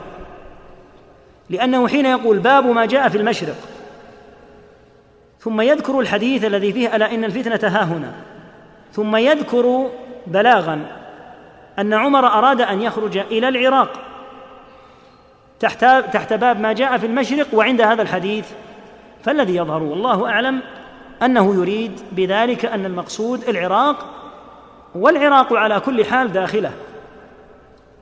وثمة رواية مهمة جدا عن ابن عمر رضي الله عنهما. هي أقوى من كل ما ذكرنا ويقل أن يتفطن لها وهي أهم من كلام مالك والخطابي وابن حجر. وهي أن ابن عمر رضي الله عنه وجه الكلام إلى أهل العراق فقال يا أهل العراق ما أسألكم عن الصغيرة وأركبكم الكبيرة. ثم روى هذا الحديث إن الفتنة تجيء من ها هنا وأومأ بيده نحو المشرق من حيث يطلع قرن الشيطان. وهذا يظهر أن ابن عمر والله أعلم يحمل أيضا الحديث على العراق وقد كان السلف كثيرا ما يتذمرون من أهل العراق وكثرة تعنتهم فكان السائل إذا سأل سؤالا قالوا له فيه تعنت أعراقي أنت؟ يعني هل أنت من العراق؟ لأنهم كانوا مشهورين بكثرة التعنت ومنهم ما روى البخاري أن رجلا من أهل العراق أتى ابن عمر رضي الله عنهما فقال أسألك عن دم البعوضة. يسأل عن دم البعوضة. فقال ابن عمر رضي الله عنهما من أي البلاد أنت؟ قال من العراق. قال وعجبا لكم يا أهل العراق. تسألون عن دم البعيضة البعوضة. وقد استحللتم دم ابن بنت رسول الله صلى الله عليه وسلم. يقول تقتلون الحسين بن علي رضي الله عنهما ظلما وعدوانا ثم تأتي تتورع تسأل عن حكم دم البعوضة. يقول ما دمت؟ استحللتم دم ابن بنت رسول الله صلى الله عليه وسلم فما معنى السؤال عن دم البعوضة؟ وذلك من دلائل كثرة ما كان هناك عنده من التعنت وقد روى ابن أبي شيبة أو عبد الرزاق في المصنف أن عمر رضي الله عنه قال في العراق وددت أن بيننا وبينهم خندقا من نار لا يصلون إلينا ولا نصل إليهم. وهذا والله أعلم مما يقوي أن المراد بها العراق. لا سيما مع قوله عليه الصلاة والسلام هناك الزلازل. فالزلازل التي كانت في جهة العراق وفي المشرق إذا درست التاريخ تجدها كثيرة وتجدها هائلة مروعة. بينما الزلازل في نجد لا يكاد يعرف لها ذكر مع قوله عليه الصلاة والسلام أيضا والفتن. رجح هذا بعض الشراح بأمر آخر وهو كثرة ما وقع في العراق نفسها من الفتن التطبيقية. فيقولون الحروب الكبار كانت في العراق وفي المشرق جهات المشرق. قتلة عثمان حيث كانت أول فتنة. خرج مجموعة منهم من الكوفة ومن البصرة. ثم تبعهم طلحة والزبير فوقعت الموقعة موقعة الجمل في العراق. قالوا وبالنظر إلى كثرة ما وقع من البدع والضلالات. فالخوارج نشأوا في العراق والرافضة في العراق والمعتزلة في العراق والجهمية خلف العراق في المشرق في خراسان وغيرها ثم امتدت إلى العراق وإلى غيرها. قالوا بينما لم يوجد شيء هائل كهذا في نجد المعروفة مع أن نجدا بها شر كثير زمن الردة. لكن كما قلت الردة التي وقعت كانت في نجد وفي غيرها. فكانت الردة في كثير من مواطن العرب. وليعلم أن النبي صلى الله عليه وسلم إذا تحدث عن قبيلة أو عن موطن فلا يجوز بحال من الأحوال أن يتخذ هذا على سبيل التنابز بالألقاب. فإذا رؤي رجل قيل أنتم الذين قال فيكم النبي صلى الله عليه وسلم كذا وما يدريك لعل هذا الرجل من أهل الفردوس. النبي صلى الله عليه وسلم تكلم عن أهل جهة ولهذا قال شيخنا الشيخ ابن باز رحمه الله كلمة تكتب بماء الذهب في شرح الحديث في صحيح مسلم. قال العبرة على كل حال بالأفعال. العبرة بالأفعال. وصدق رحمه الله. فالذي يلزم السنة بقطع النظر عن موطنه حتى لو كان في موطن يكثر فيه شتم الصحابة ويكثر فيه الشرك ويكثر فيه الفساد هذا الرجل على السنة فلا يضره ما يكون فيه من الضلالة لا سيما إذا كان غير قادر على التزحزح عنه. والرجل المقيم بالمدينة بجانب مسجد النبي صلى الله عليه وسلم أو بمكة بجانب البيت العتيق إذا كان على الضلالة وعلى البدعة وعلى منابذة السنة لم ينفعه أن يكون في المدينة أو في مكة. ثم لا ينبغي أن تصرف الأحاديث بحيث يتعب أهل البلد حتى يجعلوا الحديث في غيرهم. لا. فلو ترجح لنا أنها نجد هذه لجزمنا بها بحمد الله. لكن بالنظر إلى كلام ابن عمر وهو أهم المواضع لأنه روى الحديث لأهل العراق. وبالنظر لكلام مالك وهو إمام دار الهجرة وذكر الحديث في باب ما جاء في المشرق وذكر مع الحديث أمر العراق. وبالنظر إلى المعنى الذي قاله الشراح من أن نجد المدينة هي العراق حيث هي شرقها وليست نجدا المعروفة هذه. ثم إن الجزيرة العربية قد خصها النبي صلى الله عليه وسلم في نجد وفي مكة والمدينة بحكم واحد وهي الا يقيم فيها مشرك إقامة دائمة. وقال لا يجتمع دينان في جزيرة العرب بخلاف العراق. وقال عليه الصلاة والسلام أيضا لا يجتمع دينان في جزيرة العرب وقال اخرجوا المشركين من جزيرة العرب. ومعلوم أن نجدا ومكة والمدينة يشملها الحديث عند الجميع عند الشافعي وعند الجمهور. لكن عند الشافعي يقول المقصود الحجاز. ومراده بالحجاز مكة والمدينة واليمامة. وما والاها. يقول هذه هي المقصودة. يقول بخلاف اليمن فيمكن أن يقيم فيها المشرك. فالحاصل أنه بالنظر إلى ما وقع في التاريخ من كثرة الفتن والبلايا التي وردت من المشرق سواء من المشرق الأقصى حيث خراسان وغيرها أو من المشرق القريب كالعراق من جهة كثرة الزلازل والبلابل والفتن وكثرة الحروب. وكثرة الفرق الضالة. قلنا خرجت الخوارج في العراق والروافض وكذلك الباطنية وهم أخبث الطوائف. الباطنية مبادئهم في المشرق وكان مرتكز مرتكزهم الكبير جدا في المشرق بداياتهم حيث الخرمية وحيث السبئية. فبالنظر إلى ما وقع في التاريخ الذي قدره الله تعالى لا يقارن ما وقع في نجد هذه بالذي وقع في العراق وما بعدها وما خلفها. وهذا مما يرجح والله أعلم أن يكون المراد بنجد هنا العراق وما وراءها للاعتبارات التي ذكرنا ومن أهمها كلام ابن عمر وغيره ومن أهمها أيضا أنهم قالوا ونجدنا يا رسول الله وفي نجدنا فكأنهم حددوا والله أعلم النجد المختص بالمدينة ولم يريدوا نجدا البقعة المعروفة هذه ولا سيما مع كون الواقع في نجد لا يقارن البتة من حيث الفتن بالواقع في العراق وفي المشرق وفي غيرها.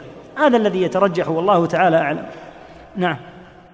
حدثنا إسحاق الواسطي قال حدثنا خالد عن بيان عن وبرة بن عبد الرحمن عن سعيد بن جبير قال خرج علينا عبد الله بن عمر رضي الله عنهما. فرجونا أن يحدثنا حديثا حسنا. قال فبادرنا إليه رجل فقال يا أبا عبد الرحمن حدثنا عن القتال في الفتنة. والله يقول وقاتلوهم حتى لا تكون فتنة. فقال هل تدري ما الفتنة؟ ثكلتك أمك. إنما كان محمد صلى الله عليه وسلم يقاتل المشركين. وكان الدخول في دينهم فتنة وليس كقتالكم على الملك. لماذا غضب ابن عمر على السائل؟ وقال ثكلتك أمك. السائل يقول حدثنا يا صاحب رسول الله عن الفتنة القتال في الفتنة. والله يقول وقاتلوهم حتى لا تكون فتنة. هو يريد أن يحتج على ابن عمر رضي الله عنهما حين ترك الدخول في القتال. وكانه يذكره بقوله تعالى وقاتلوهم حتى لا تكون فتنة. يعني ادخل في القتال حتى تنتهي الفتنة. فقال تدري ما الفتنة ثأكلتك أمك؟ الفتنة هي الفتنة التي كانت في السابق حيث كان المسلمون مفتونين من الكفار. فأمر المسلمون بقتالهم ليزول الكفر. وهذا هو هدف الجهاد في سبيل الله الأول. أول هدف للجهاد في سبيل الله منصوص عليه في القرآن. لا يحتاج إلى فلسفات أحد. وقاتلوهم حتى لا تكون فتنة أي حتى لا يكون شرك كما فسرها ثمانية من السلف أن المقصود أن يزول الشرك. والدليل عليه قوله صلى الله عليه وسلم أمرت أن أقاتل الناس حتى يشهدوا أن لا إله إلا الله. أن المقصود بالقتال هو هذا حتى يعبد الله وحده لا شريك له. كما قال بعثت بين يدي الساعة حتى حتى يعبد الله وحده لا شريك له. هذا هو السبب في بعثته وهذا هو السبب في الجهاد. يقول ابن عمر رضي الله تعالى عنهما هذا هو المأمور بإزالته. فكان محمد صلى الله عليه وسلم يقاتل المشركين وكان الدخول في في دينهم فتنة. وليس كقتالكم على الملك. يقول أنتم تتقاتلون لا لتزول الفتنة ولكنكم تتقاتلون لما ذكرناه في السابق حتى يكون الملك لفلان أو لفلان. يقول فأنا لا أدخل في هذا النوع من القتال وليس هذا هو القتال المأمور بالدخول فيه. ولهذا في بعض الألفاظ أنه قال قاتلنا على زمن رسول الله صلى الله عليه وسلم حتى لم تكن فتنة وأنتم تقاتلون حتى تكون الفتنة. يقول قتالكم هذا هو الذي يوصل إلى الفتنة. أما القتال المذكور في الآية فهو الذي أزيلت به الفتنة. والدليل على أن الفتنة أزيلت به أن الشرك اضمحل وانتهى. وقاتلوهم حتى لا تكون فتنة. فتحقق الهدف وأزيل الكفر والشرك. يقول لكن أنتم تتقاتلون على الملك. وقتالكم هذا على الملك هو الذي يؤدي إلى استفحال الأمور وإلى وقوع الفتنة. وكان هذا الرجل كما في بعض الروايات يريده أن يشترك في القتال الذي كان في زمنه بين عبد الملك وغيره فأجابه بهذا الجواب وكان يرى أن الوقت وقت فتنة حيث لم يستقر لأحد الملك. حتى استقر الملك والغلبة لعبد الملك وتمكن من ضم الحجاز والعراق وصار حاكما على هذه كلها فعند ذلك بايعه عبد الله بن عمر. قال أبايعك على السمع والطاعة على كتاب الله فيما استطعت. لكن قبل ذلك كان يرى أن القتال بين عبد الملك وبين خصومه كان قتالا على الملك ولم يستقر لأحد ولاية. هذه وجهته. ولهذا أبى أن يبايع كما أبى أن يبايع أيضا ابن عباس رضي الله عنهما وأبى أن يبايع محمد بن الحنفية. أبوا أن يبايعوا في وقت القتال. قالوا لأنه لم يستقر لأحد ملك. هذا عنده ملك لجهة وهذا عنده ملك لجهة. وهذا يريدني أن أبايعه ليكون خليفة هذا المقصود. وليس المقصود أن يبايع على الموضع الذي هو فيه. قال يريدني أن يريد أن أبايعه ليكون هو الخليفة. والخليفة الذي تستتب له الأمور. فالبيعة على الخلافة في حال كون هذا الرجل قد حاز على المواطن كلها. لكن البيعة على الموطن نفسه ما فيه إشكال. بحيث إذا تغلب أحد على هذا الموطن وصار هو الحاكم فيه. كما فعل سلمة ابن الأكوع فإنه حين ذهب كما في الحديث السابق إلى البرية تمكن الخوارج من السيطرة على المواضع التي كان فيها سلمة. فكان يدفع لهم الزكاة. لما يدفع لهم الزكاة؟ لأنهم تغلبوا على الموضع الذي هو فيه وكان يرى أنها تجزئه لأنهم صاروا حكاما لتلك المنطقة. لكن البيعه ليكون خليفة يأمره أن يقاتل خصومه يقول لا ما أدخل لأن هذا لم يستتب لك الاستتباب الذي كان لمن كان قبلك كما استتب في زمن الخلافة الراشدة وغيرها. يقول هذا لم لم يحدث. أنتم تتنازعون على الملك وأنا لا أدخل معكم في هذا النزاع. نعم. باب الفتنة التي تموج كموج البحر. وقال ابن عيينة عن خلف بن حوشب كانوا يستحبون أن يتمثلوا بهذه الأبيات عند الفتن. قال امرؤ القيس الحرب أول ما تكون فتية تسعى بزينتها لكل جهول حتى إذا اشتعلت وشب ضرامها ولت عجوزا غير ذات حليل شمطاء ينكر لونها وتغيرت مكروهة للشم والتقبيل. باب الفتنة التي تموج كموج البحر عياذا بالله. وهي ليست من الفتن اليسيرة لكنها من الفتن الهائلة الشديدة. حتى إنها لشدتها تكون كالموج موج البحر. موج البحر يتدافع عياذا بالله. يقول كانوا يستحبون أن يتمثلوا بأبيات امرئ القيس هذه.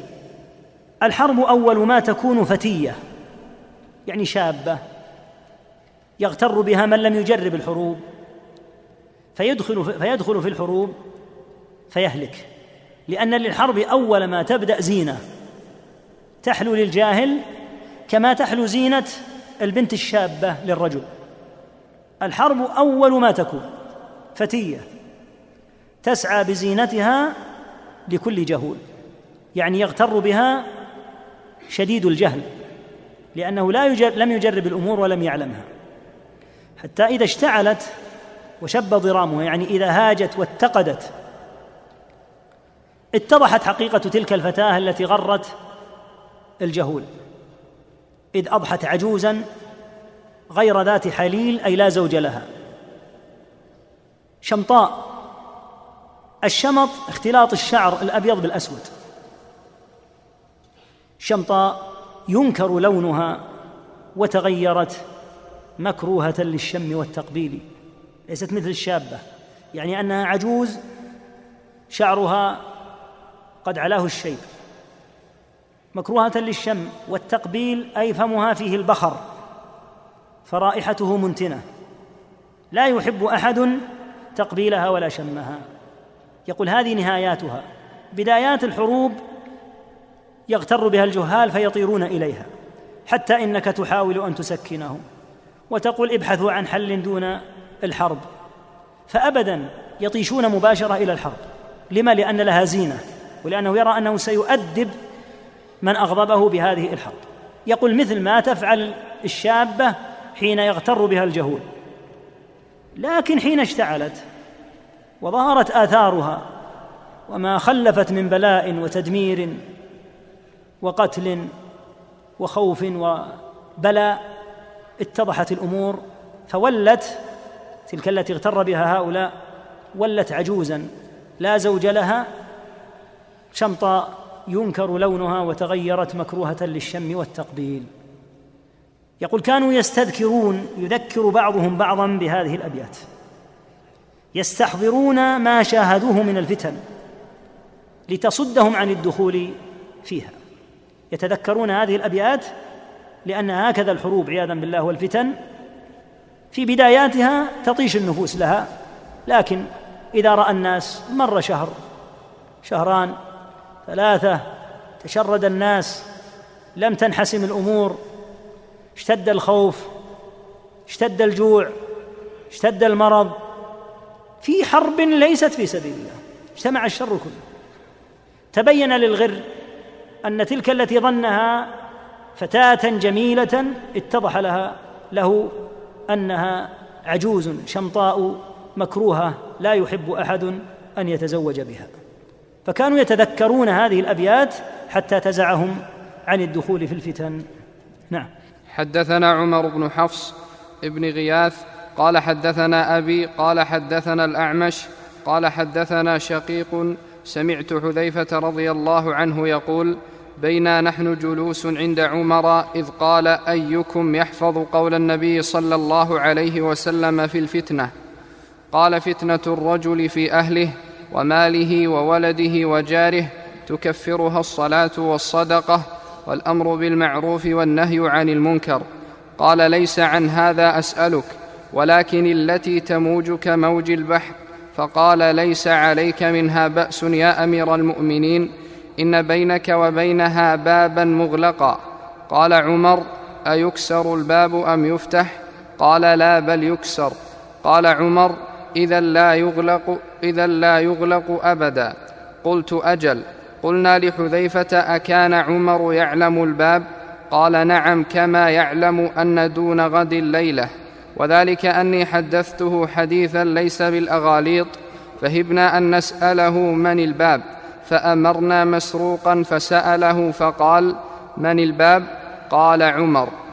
في هذا الحديث أن عمر رضي الله عنه قال أيكم يحفظ قول النبي صلى الله عليه وسلم في الفتنة؟ أطلق العبارة هنا. فرد عليه حذيفة فتنة الرجل في أهله وماله وولده وجاره هذه موجودة الجميع. يكفرها ولله الحمد الصلاة والصدقة والأمر بالمعروف والنهي عن المنكر. قال شيخنا ابن باز رحمه الله في بيان معنى فتنة الأهل والأولاد. قال رحمه الله قد يسبهم ويقول كلاما غير مناسب فهذا تكفره الصلاة والزكاة إلى آخره.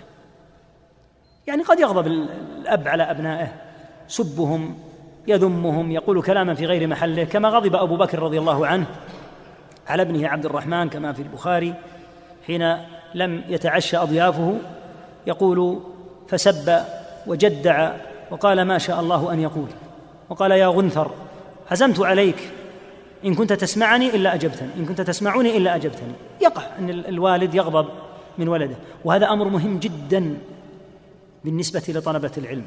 لو سبك أبوك أو أمك على الرأس والعين إياك أن ترد. لا تكن أحمق لأن الأب قد يغضب. وأيضا الأب إذا كبر إذا كبر سنه ضاق خلقه جدا. ولهذا قال تعالى إما يبلغن عندك الكبر. نص تعالى على الكبر. أحدهما أو كلاهما فلا تقل لهما أف. يقول العلامة الشنقيطي رحمه الله صاحب أضواء البيان يقول ذكر الله الكبر لأن الكبير يدخل نفسه فيما لا يعنيه. يعني يبدأ الأب يقول لأبناء لابنه حتى لو كان عنده أولاد. لماذا تذهبون؟ ما الذي يحملكم على أن تفعلوا كذا؟ لا تفعلوا كذا. يقول يبدأ يدخل نفسه في أمور ينبغي له ان لا يدخل نفسه فيها. يقول لكن ذوي الإيمان وتقوى الله يتحملونها من آبائهم لأنهم في حال كبرهم يقع منهم هذا. يضيق خلقهم تكثر أمراضهم يقل تحملهم. فينبغي بالمؤمن أن يتحمل ولهذا قد يسبك أبوك أو أمك.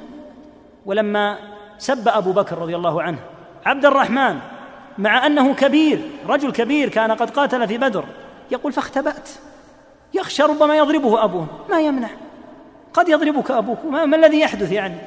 ولهذا عائشة رضي الله عنها لما قالوا لأبي بكر رضي الله عنه إن عائشة حبست الناس على عقد الله وليس معهم ماء قالت فأتاني أبو بكر رضي الله عنه ولكزني وصار يضربني تقول لا يمنعني من أن أتحرك إلا مقام رسول الله صلى الله عليه وسلم حيث توسد صلى الله عليه وسلم فخذها. تقول لا أريد أن أتحرك من ضربه لأنه لأنها لا تريد أن يتحرك فيفيق النبي صلى الله عليه وسلم. فكانت تتحمل حتى لا يقوم النبي صلى الله عليه وسلم. أبو بكر من يضرب؟ أم المؤمنين.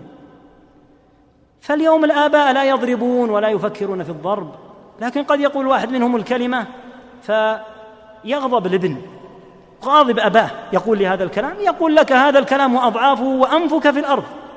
إما يبلغن عندك الكبر أحدهما أو كلاهما فلا تقل لهما أف لا ترد. ولهذا قال تعالى واخفض لهما جناح الذل من الرحمة. لا بد من هذا. فلهذا قد يقع من الأب شيء من السب. قد يقع من شيء من الكلمات القبيحة. يقولها لابنه فالذي زكى الله نفسه ونفعه الله بعلمه يتحمل من أبيه ومن أمه.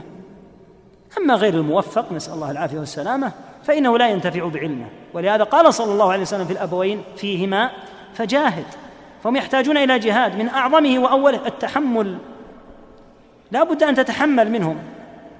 بعض الشباب يقول يمضي وقتي لا أمشي مع الشباب كل يوم أذهب بهم هكذا مرة أوصلهم إلى المستشفى ومرة يقول سافر بي إلى البلد وأنت مخلوق إلا لخدمته بعد أداء عبادة الله وإلا للتفاني في إرضائه. لا بد من هذا. ولهذا كما قال عليه الصلاة والسلام فتنة الرجل في أهله وماله وولده قد يفتن بالسب. ولهذا جاء عن معاذ أو عن حذيفة أنه قال يا رسول الله إن في لساني ذربا على أهلي. في لساني شيء من السلطة على أهله. فوجهه صلى الله عليه وسلم إلى الاستغفار. فعمر لا يسأل عن هذه الفتنة لأن هذه عامة وموجودة. فقال ليس عن هذا أسألك لكن التي تموج كموج البحر عياذا بالله. تشبيهها بموج البحر يدل على أنها ليست فتنة يسيرة. قال ليس عليك منها بأس يا أمير المؤمنين يعني أنها لن تدركك. إن بينك وبينها بابا مغلقا. يعني هذه الفتنة لن تقع فيها أنت. سيقع فيها غيرك. قال عمر أيكسر الباب أم يفتح؟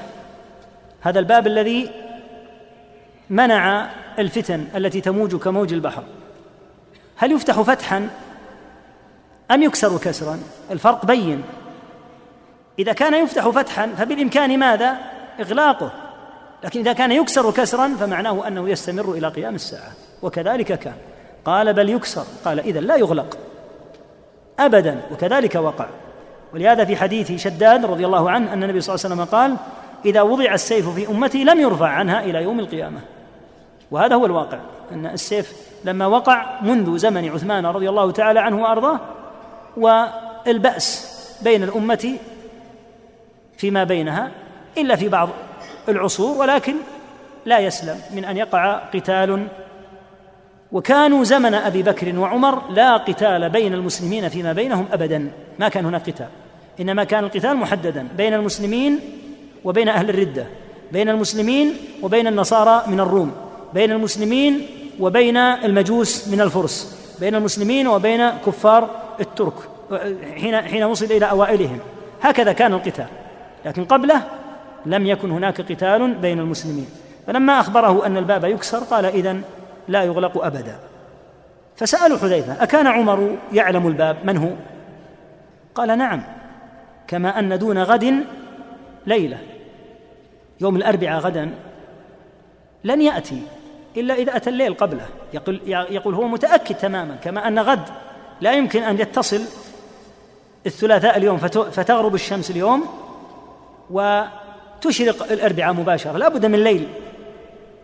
ليلة الأربعاء هذه لا بد منها. يقول كان يعلم ذلك علما مؤكدا أنه هو الباب. وذلك أني حدثته حديثا ليس بالأغاليط مضبوط. قال فهبنا أن نسأله من الباب. من هو هذا الباب الذي إذا زال وكسر انفتحت هذه الفتنة التي تموج كموج البحر؟ فسألوا أو طلبوا من مسروق رحمه الله وكأنه لمكانة له عند حذيفة أن يسأله عن الباب من المقصود بالباب الذي حال الله به دون الفتن؟ فقال عمر وكذلك كان. فإن عمر رضي الله عنه قد حال الله به بين فتن كثيرة ولا يعني ذلك الوقيعة في عثمان. لا لأن عثمان رضي الله تعالى عنه وأرضاه الفتن المدلهمة متى أتت؟ لما قتل. الفتن العظيمة الشديدة إنما كانت بقتله رضي الله عنه لكن مبادئها والذين سببوا اشكالا وتشويشا على الناس لا شك أنهم كانوا في زمن عثمان رضي الله عنه إلى أن انتهى أمر الخصومات والنزاعات إلى حد قتل عثمان رضي الله عنه ثم نشأ من ذلك الحروب التي تولد منها ما تولد. نعم. حدثنا سعيد بن أبي مريم قال أخبرنا محمد بن جعفر عن شريك بن عبد الله عن سعيد بن المسيب عن أبي موسى الأشعري رضي الله عنه قال خرج النبي صلى الله عليه وسلم إلى حائط من حوائط المدينة لحاجته وخرجت في إثره. فلما دخل الحائط جلست على بابه وقلت لأكونن اليوم بواب النبي صلى الله عليه وسلم ولم يأمرني. فذهب النبي صلى الله عليه وسلم وقضى حاجته وجلس على قف البئر فكشف عن ساقيه ودلاهما في البئر. فجاء أبو بكر يستأذن عليه ليدخل. فقلت كما أنت حتى أستأذن لك. فوقف فجئت إلى النبي صلى الله عليه وسلم فقلت يا نبي الله أبو بكر يستأذن عليك. فقال أذن له وبشره بالجنة. فدخل فجاء عن يمين النبي صلى الله عليه وسلم فكشف عن ساقيه ودلاهما في البئر. فجاء عمر فقلت كما أنت حتى أستأذن لك. فقال النبي صلى الله عليه وسلم ائذن له وبشره بالجنة. فجاء حتى فجاء عن يسار النبي صلى الله عليه وسلم فكشف عن ساقيه فدلاهما في البئر فامتلأ القف فلم يكن فيه مجلس. ثم جاء عثمان فقلت كما أنت حتى أستأذن لك. فقال النبي صلى الله عليه وسلم أذن له وبشره بالجنة. معها بلاء يصيبه. فدخل فلم يجد معهم مجلسا فتحول حتى جاء مقابلهم على شفة البئر فكشف عن ساقيه ثم دلاهما في البئر فجعلت أتمنى أخا لي وأدعو الله أن يأتي قال ابن المسيب فتأولت ذلك قبورهم اجتمعت ها هنا وانفرد عثمان. هذا الحديث من الأحاديث الكثيرة الدالة على أن أبا بكر وعمر وعثمان رضي الله تعالى عنهم أجمعين في الجنة. والأحاديث في هذا كما قلنا كثيرة. ومنها حديث العشرة الذين ذكر النبي صلى الله عليه وسلم أبو بكر في الجنة وعمر في الجنة وعثمان في الجنة وعلي في الجنة إلى آخره حتى عدهم عليه الصلاة والسلام. ففي هذا الحديث أن النبي صلى الله عليه وسلم دخل ذهب ليقضي حاجته حاجة الإنسان من بول أو غائط ثم دخل هذا الحائط من حيطان المدينة فتبعه أبو موسى رضي الله عنه فقرر أن يكون بوابا. يعني يكون دون النبي صلى الله عليه وسلم ودون الداخلين إلا أن يأذن لهم النبي صلى الله عليه وسلم.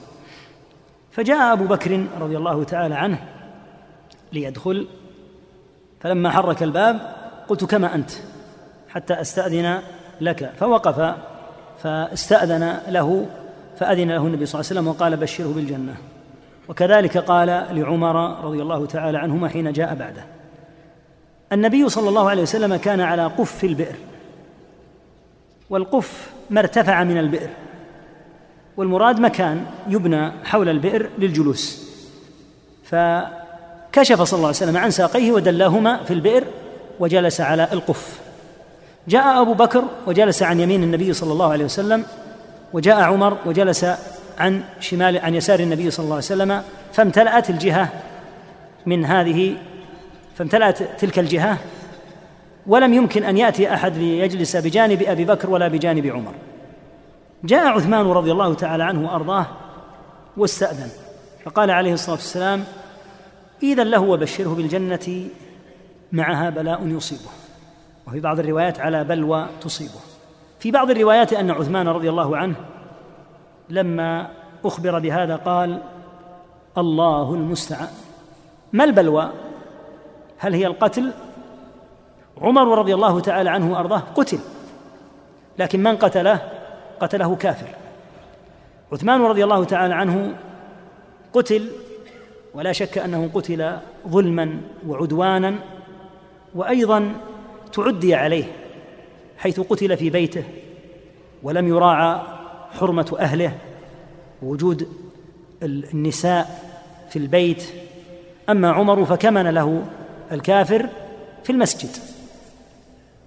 ثم إن عثمان رضي الله عنه وأرضاه ابتلي ببلاء عظيم حيث لم يطعن كما فعل بعمر رضي الله عنه بل حوصر وألجئ إلى أن يشرب ماء متغيرا من بئر عنده في البيت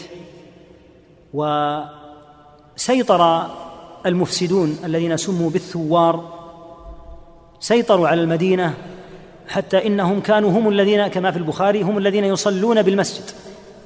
هذه من أعاجيبهم وقلة دينهم وحيائهم. لأنهم حين سيطروا على المدينة بلغ بهم الغرور أن يصلوا وخلفهم الصحابة. لأن الصحابة كانوا موجودين في المدينة. ولكن عثمان كان يأبى ويمنع وينهى عن أن يدخل أحد معه في القتال كما قدمنا.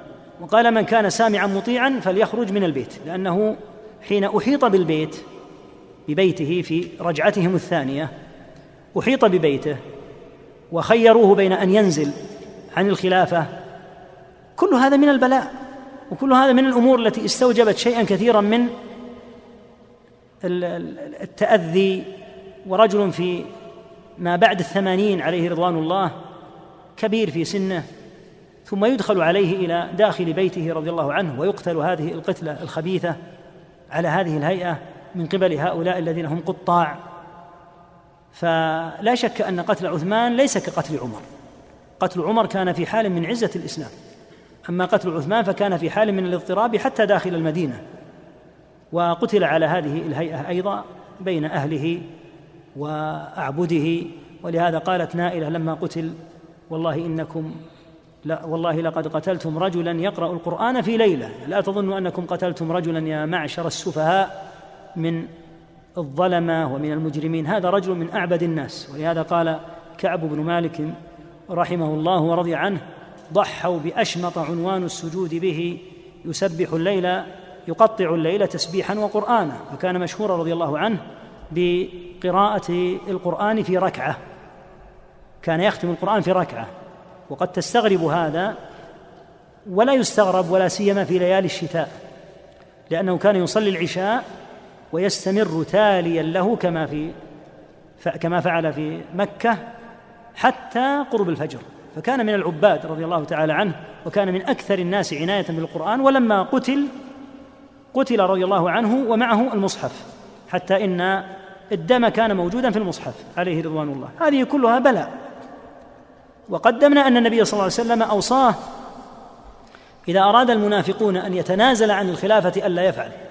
إن الله قمصك قميصا فإن أرادك المنافق المنافقون على خلعه فلا تخلعه. ولما طلب منه أن يسلم لهم مروان ليقتلوه ويسلم هو ابى أيضا. مسألة ليست فوضى. يفتدي نفسه بأن يدفع لهم واحدا من الرعية وأمرهم إن كان لهم دعوه على مروان أن يرفعوها لأنه هو الحاكم. أما أن يدفع إليهم مروان ليقتلوه فأبى رضي الله تعالى عنه وأرضاه وأبى أيضا أن يدافع عنه أحد من أهل المدينة فكان قتله عليه رضوان الله قتلا شنيعا شديدا ولهذا قلنا إنه هاجت بسبب قتله تلك الفتن كلها كل الفتن الشديدة التي وقعت لاحقا كان مبدأها قتل عثمان عليه رضوان الله وكان يقول لا يراق في محجمة دم. يقول حتى لو قتلوني لا يقتل معي أحد. وحتى لما قتل عليه الرضوان بلغ بهم العتو والفجور أنهم منعوا الناس أن يصلوا على إمامهم وعلى خليفتهم. ابن زوج بنتي رسول الله صلى الله عليه وسلم هو خليفة المسلمين.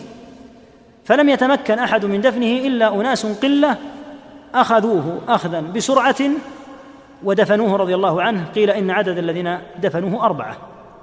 فكان هذا كله من المصاب ومن الفتنة التي ابتلي بها رضي الله تعالى عنه وأرضاه وكلها رفعة له في درجته عليه رضوان الله وكفارة له. ولهذا قال أحد الصحابة رضي الله عنهم كما في البخاري ولو انقض أحد مما صنعتم بعثمان لكان محقوقا. يعني الذي صنع به شيء عظيم عجيب. لو صنع برجل مسن من المسلمين ليس بخليفة وليس من الصحابة لكان هذا من العتو والإجرام أن يدخل على أحد في بيته ويقتل عند أهله. فكيف إذا كان خليفة صحابيا زوج بنتي رسول الله صلى الله عليه وسلم وفي المدينة؟ كل هذا مما نشأت عنه تلك الفتن ولا حول ولا قوة إلا بالله. يقول ابن المسيب إنه تأول ما وقع حين جلس النبي صلى الله عليه وسلم على قف البئر وعن يمينه أبو بكر وعن شماله عمر أن ذلك هو أن ذلك هو موضع قبورهم. لأن النبي صلى الله عليه وسلم دفن في حجرة عائشة ودفن أبو بكر معه ودفن عمر معه رضي الله تعالى عنهما. أما عثمان ففي بعض الروايات أنهم أرادوا أن يدفن مع النبي صلى الله عليه وسلم فمنعهم الثوار الفجر هؤلاء وأبوا أن يدفن مع النبي صلى الله عليه وسلم وصاحبيه فدفن خارج هذا الموضع. فيقول ابن المسيب إنه تأول هذا الأمر الذي حدث وهو أن النبي صلى الله عليه وسلم جلس وعن يمينه وعن شماله أبو بكر بأنها قبورهم بينما دفن عثمان نائيا عنهم. والله تعالى جامعهم جميعا في الجنة. نسأل الله أن يجمعنا بهم. نعم. حدثني بشر بن خالد قال أخبرنا محمد بن جعفر عن شعبة عن سليمان. سمعت أب قال سمعت أبا وائل قال قيل لأسامة ألا تكلم هذا؟ قال قد كلمته ما دون أن أفتح بابا أكون أول من يفتحه وما أنا بالذي أقول لرجل بعدما يكون أميرا على رجلين أنت خير. بعدما سمعت من رسول الله صلى الله عليه وسلم يقول يجاء برجل فيطرح في النار فيطحن فيها كطحن الحمار برحاه فيطيف به أهل النار فيقولون أي فلان ألست كنت تأمر بالمعروف وتنهى عن المنكر؟ فيقول إني كنت آمر بالمعروف ولا أفعله وأنهى عن المنكر وأفعله. هذا الحديث ترون يا إخوة في صحيح البخاري. ترونه عن حب رسول الله صلى الله عليه وسلم. وابن حب رسول الله صلى الله عليه وسلم أسامة بن زيد رضي الله تعالى عنهما. مما كان وقع زمن عثمان بعض الأمور التي بعضها يقع من الولاة بعض المسائل التي كان الرعية يقولون لماذا يقع كذا؟ لماذا كنا في زمن عمر كذا ونحن الآن كذا؟ فجاءوا لأسامة. فقيل فقالوا له ألا تكلم هذا؟ يعني عثمان. المراد عثمان كما في رواية أخرى ألا تكلم عثمان؟ فقال كلمة عظيمة جدا. قد كلمته. من قال لكم إني ما أكلم؟ أنا أكلمه. دون أن أفتح بابا أكون أول من فتحه أو من يفتحه.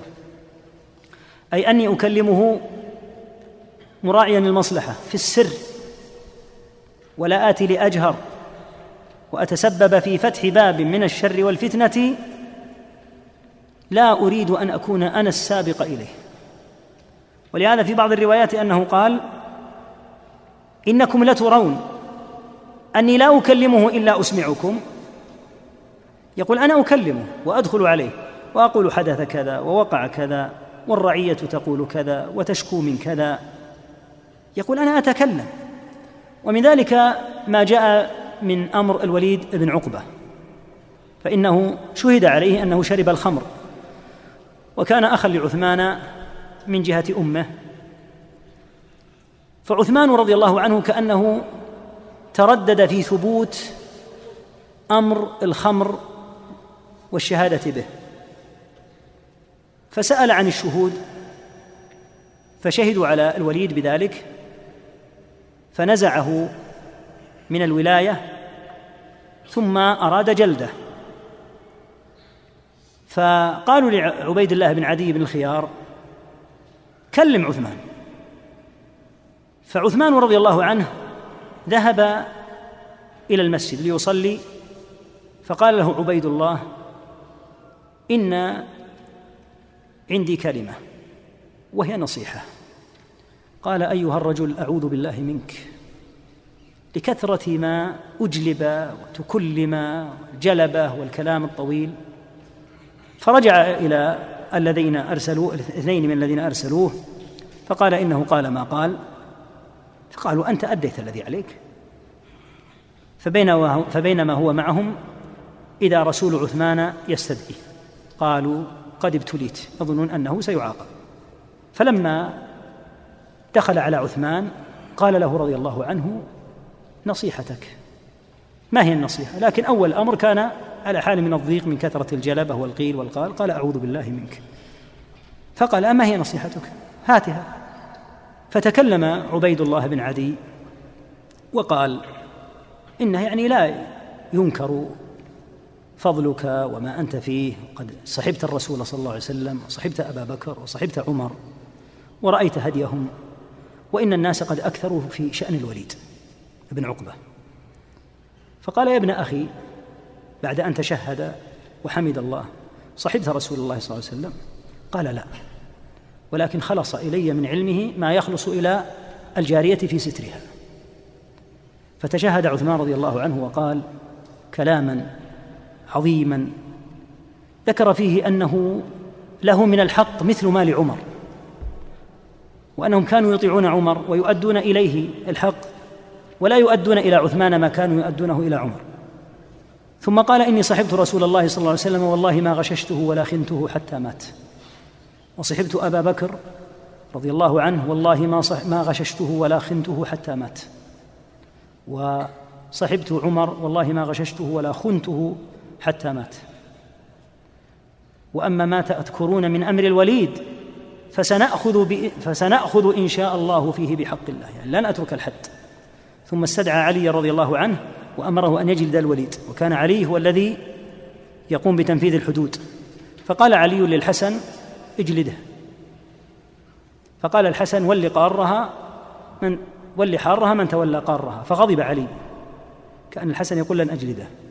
فأمر عبد الله بن جعفر أن يجلده فجلد الوليد على شرب الخمر. يعني أن عثمان كان يتحرى وهذا من الأمور التي كان يطيش فيها الرعية ويتكلمون ويقول لماذا لم يجلده؟ وكان رضي الله عنه يتحرى لأنه خشي أنه شهد عليه بالباطل. خشي أن يكون هناك شهادة بالباطل لأن هذا أمير وكان هناك بينه وبين بعض الناس شيء من المخاصمات فأراد أن يتحقق. فقالوا لأنه أخوه لأمه لا يريد أن يجلده قال أما ما, ذكرت في شأن الوليد فسنأخذ إن شاء الله تعالى فيه بحق الله. لن نتركه لكن كأنه كان يتحرى رضي الله تعالى عنه وأرضاه. فأسامة هنا يقول إنكم لترون أني لا أكلمه إلا أسمعتكم. أنا أتكلم معه وأنصحه ولكني لا أظهر هذا علانية. مراعاة للانتفاع بأمر السر في النصيحة. وأتذكر ولعلي قلت هذا مرة العام الماضي أن شيخنا الشيخ بن باز رحمة الله تعالى عليه جاءه سؤال من هذه الأسئلة الشديدة يحذر فيها من قول النبي عليه الصلاة والسلام لما سئل أن أهلك وفينا الصالحون؟ قال نعم إذا كثر الخبث. قال إنكم لا تنصحون. أين نصح الرعية؟ فغضب رحمة الله تعالى عليه. واشتد في هذا وقال كلاما معناه إذا نصحنا نأتي نخبركم إذا نصحنا نصعد المنابر ونقول نصحنا مثل كلام أسامة تماما. يقول نحن ننصح ولكن في السر لأن النصيحة في السر هي التي تنفع. ولهذا قال أسامة إنكم لترون أني لا أكلمه إلا أسمعتكم. أنا إذا أردت أن أنصحه أنصحه ليسمع أو لتسمعوا أنتم. إذا كنت أنصحه ليسمع هو فإني أسمعه لا أسمعكم. عكس ما يحدث من بعض الناس الآن. إذا أراد أن ينصح أحدا أسمع غيره النصيحة كأن النصيحة ليست له. فقال أنا لا أريد أن أفتح على الناس باب شر.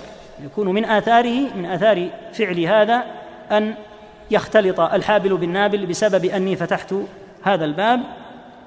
والله لقد كلمته فيما بيني وبينه دون أن أفتح أمرا. لا أحب أن أكون أول من فتحه يعني لا أكلمه إلا مراعيا السر. ثم قال وما أنا بالذي أقول لرجل بعد أن يكون أميرا على على رجلين؟ أنت خير. وفي بعض الروايات أنه قال ولا أقول لأمير إن كان علي أميرا إنه خير الناس. وفي هذا تجنب المبالغة في مدح الأمراء. وأن على من حولهم أن يتقي الله عز وجل وأن يحرص على أن يوصل إليهم أمور الناس ويكون عيبة نصح وموصل خير لهم. يقول أنا ما أقول إنه خير الناس لأنه أمير كأنه يراعي ألا يفتن. ففيه منع المبالغة في المدح والإكثار من هذا لأن هذا قد نهينا عنه عموما. كما قال عليه الصلاة والسلام إذا رأيتم المداحين فاحثوا في وجوههم التراب. ولهذا لما رأى المقداد رضي الله عنه راوي الحديث رجلا يمدح عثمان وهو عثمان نزل إلى الأرض وأخذ ترابا وحثاه في وجه في وجه المادح فسأله عثمان عن ذلك فروى له الحديث. أن النبي صلى الله عليه وسلم قال إذا رأيتم المداحين فاحثوا في وجوههم التراب. ثم بين ذلك بقوله يجاء بالرجل. في بعض الروايات يجاء بالرجل الذي كان يطاع في معاصي الله فيقذف في النار فتندلق أقتاب بطنه. الأقتاب واحدها قتب وهي الأمعاء عياذا بالله. فتندلق وتنبعث بسرعة. فيطيف به أهل النار يجتمعون به يجتمعون عليه. يستغربون هذا كان يأمرنا بالخير وينهانا عن الشر. كيف صار الآن معنا في النار؟ فيستغربون من دخوله معهم في جهنم نسأل الله العافية والسلامة ويسألونه عن ذلك فيقول كنت آمركم بالمعروف ولا أفعله وأنهى عن المنكر وأفعله. يعني أنه ما كان يطبق وهذا الذي نخافه على أنفسنا وعلى طلاب العلم.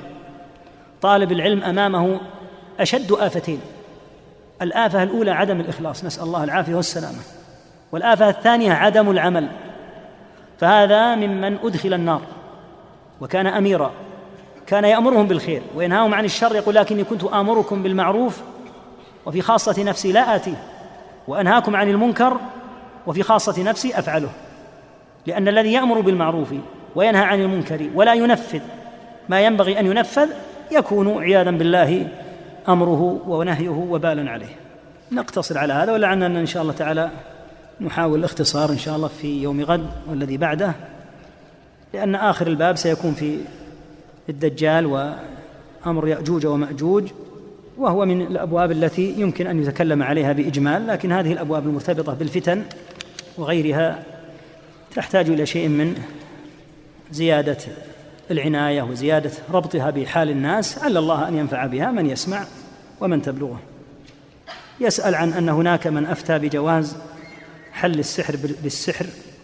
قل يا أخواننا أفتت اللجنة الدائمة أولا بضد هذه الفتوى ولله الحمد.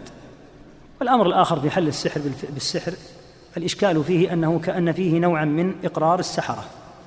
كأنك ستبقي سحرة حتى يحلوا السحر. والأصل أن السحرة يقتلون فحل السحر بالسحر لا يجوز ولا يصلح. ويسأل عن أمر الصور بالنسبة للنساء. الصور بالنسبة للنساء أشد بكثير من الصور بالنسبة للرجال لأن النساء عورة ولا يجوز أن تبدو وجوههن. وإذا سقطت الصور هذه في يد بعض المفسدين قد يستبز بها النساء كما وقع وقد ينشرها في مواقع وفي غيرها فالخطب فيها شديد وينبغي أن يكون للمسلمين حرص شديد في أمر هذه الصور ولا سيما صور النساء فإن الأمر فيها عظيم جدا ومن عجائب الناس اليوم التي لا تنقضي أن الخاطب إذا خطب قالوا نريك صورة البنت نرسلها إليك ما الحاجة؟ أذن الشرع له في رؤيتها مباشرة. يراها حتى لا تبقى الصورة عنده. ويراها حتى لا يمكن أن يستعملها في أمور غير محمودة. ويمكن أن يراها وهي غير منتبهة. إذا كان يقول لا نريد أن يعني تجرح أو نحوه يمكن أن تستدعى وتكون في موضع وهو يطل عليها. لا بأس بهذا. إذا كان بحضور محرمها وإذنه. فلا بأس بمثل هذه الأمور. لكن أن يقال أرسلوا له صورتها لا يحل هذا. ولا ينبغي أن يتساهل ولا أن تكون النساء في موضع التصوير بحيث تكون صورهن ألعوبة بيد المفسدين.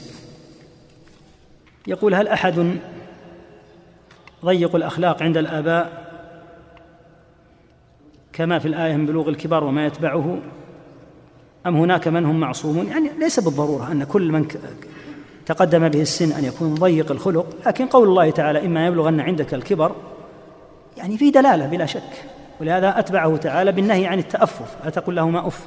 لكن يمكن أن يوجد من يتقدم به السن ولا يكون على هذا الحال. لكن في الجملة إذا تقدم بالإنسان السن ضاق خلقه وكثرت أمراضه ورق عظمه واشتد عليه الأمر فيكون خلقه غالبا ضيقا. يقول هل يجوز لعن قتلة عثمان؟ أمرهم إلى الله تعالى. قد ذهبوا إلى أحكم الحاكمين سبحانه وتعالى. يقول هل الصحيح سعيد بن المسيب أو المسيب لأني سمعت أن سعيد رضي الله عنه قال سيب الله من سيب أبي. مثل هذا الأمر عادة يكون فيه خلاف بين المحدثين هل الصواب المسيب أو المسيب؟ فمن المحدثين وأهل اللغة من يضبطها يضبطها بالمسيب يعني هو صاحب التسييب. ومنهم من يضبطها بالمسيب يعني هو الذي سيب. يقول هل الخوض في الأوضاع العربية الراهنة من المظاهرات من الخوض في الفتنة؟ إذا تكلم أحد فيها بعلم فنعم أما أن يتكلم فيها بلا علم فلا. هل من كتاب صحيح يوضح الفتنة التي صارت بين الصحابة؟ لأن غالبية الكتب الموجودة فيها غلط كثير. الأصل كما قلنا الكف عما شجر بين الصحابة رضي الله عنهم وإذا رجعت إلى كتب الاعتقاد تجد فيها الصواب في مثل هذه الأمور وتجد في الكتب الصحيحة الثابتة. سيمر بنا بعض من هذا في صحيح البخاري وفي غيره.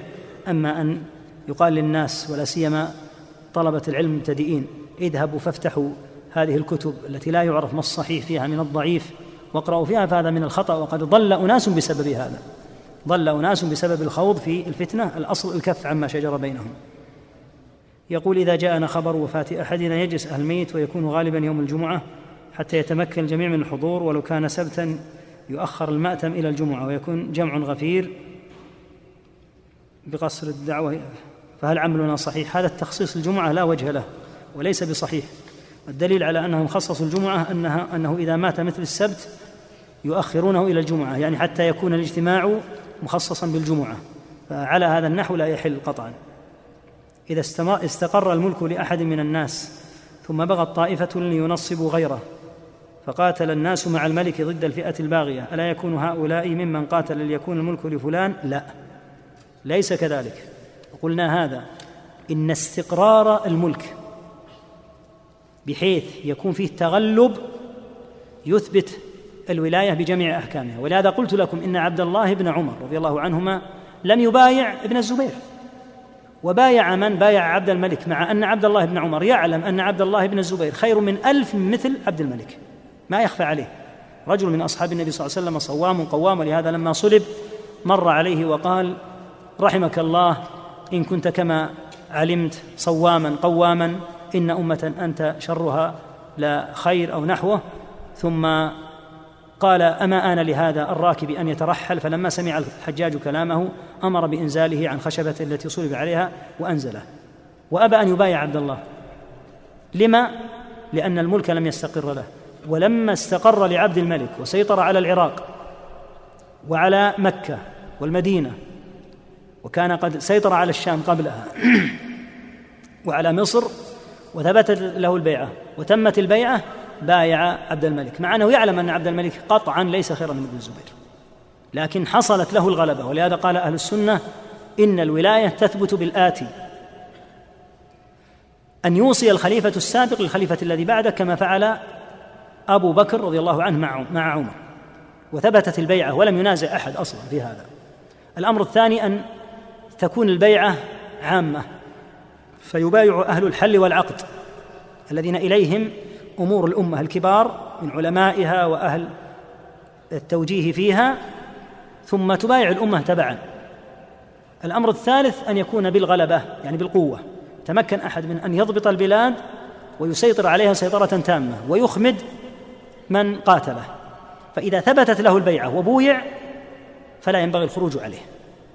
وهذا ما دلت عليه آثار السلف الكثيرة ودلت عليه النصوص أنه إذا ثبتت له البيعة فإنه لا يجوز قتاله.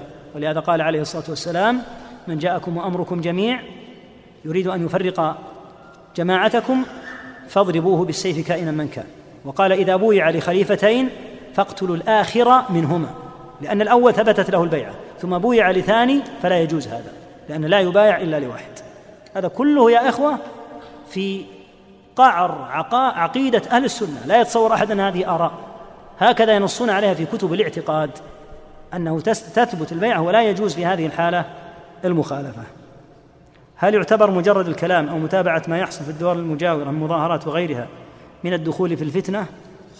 مجرد أنه يعرف ما الذي حل بإخوانه في سوريا ولا في اليمن ويتمنى أن الله يصلح حالهم ويرحم ضعفهم ويستر عوراتهم ونسائهم اللاتي صرنا في يد هؤلاء المصورين يبحثون عنهن ركضا في تركيا وفي لبنان حرائر ستيرات خيرات. يتمنى أن يرجعن وأن يصلح الله الحال. يقال لا لا تسأل ولا تسأل عن إخوانك لا. لكن الكلام في الخوض في مثل هذه الأمور بدون بصيرة وبدون علم. أما أن يسأل عن اخوانه المسلمين على الله أن يصلح أحوالهم. عسى أن تكون أمورهم استقرت. عسى الله أن يصلح شأنهم. عسى الله أن يولي فيهم خيارهم ويكفيهم شرارهم. هذا من صميم دينه. يقول صليت في مسجد في بلاد كافرة يوجد فيه ثلاثة قبور وسط غرفة في مؤخرة المسجد بجانب مكان الوضوء ومغلق عليهم ولم أرى أحد يتبرك بهم فهل صلاتي جائزة أم أعيدها؟ وقد صليت ما يقارب أسبوعا في الدور الرابع والقبور في الدور الثاني. ما دامت القبور في داخل المسجد فسواء كانت الصلاة وأنت في الدور الثاني أو الثالث أو غيره يعني داخل المسجد يعني داخل سور المسجد. فالصحيح أن الصلاة تعاد. هذا هو الصحيح. يقول ما رأيكم في من أعان الكفار لقتل المسلمين ووقف مع الكفار؟ هل يكفر؟ معلوم أن الأصل أن الكفار لا يعانون ولا يجوز أن يمكنوا من المسلمين. لكن معلوم أيضا أن الكفار يكونون أهل تسلط وأهل إجبار وإكراه فقد يستخدمون أراضي بلاد مسلمة بالقوة ولا يرغب في هذا حكامها وقد يجبرونهم إجبارا على استخدام بعض المرافق أو المطارات ولو أبوا لا قاتلوهم فهذا الحد حد من الإكراه.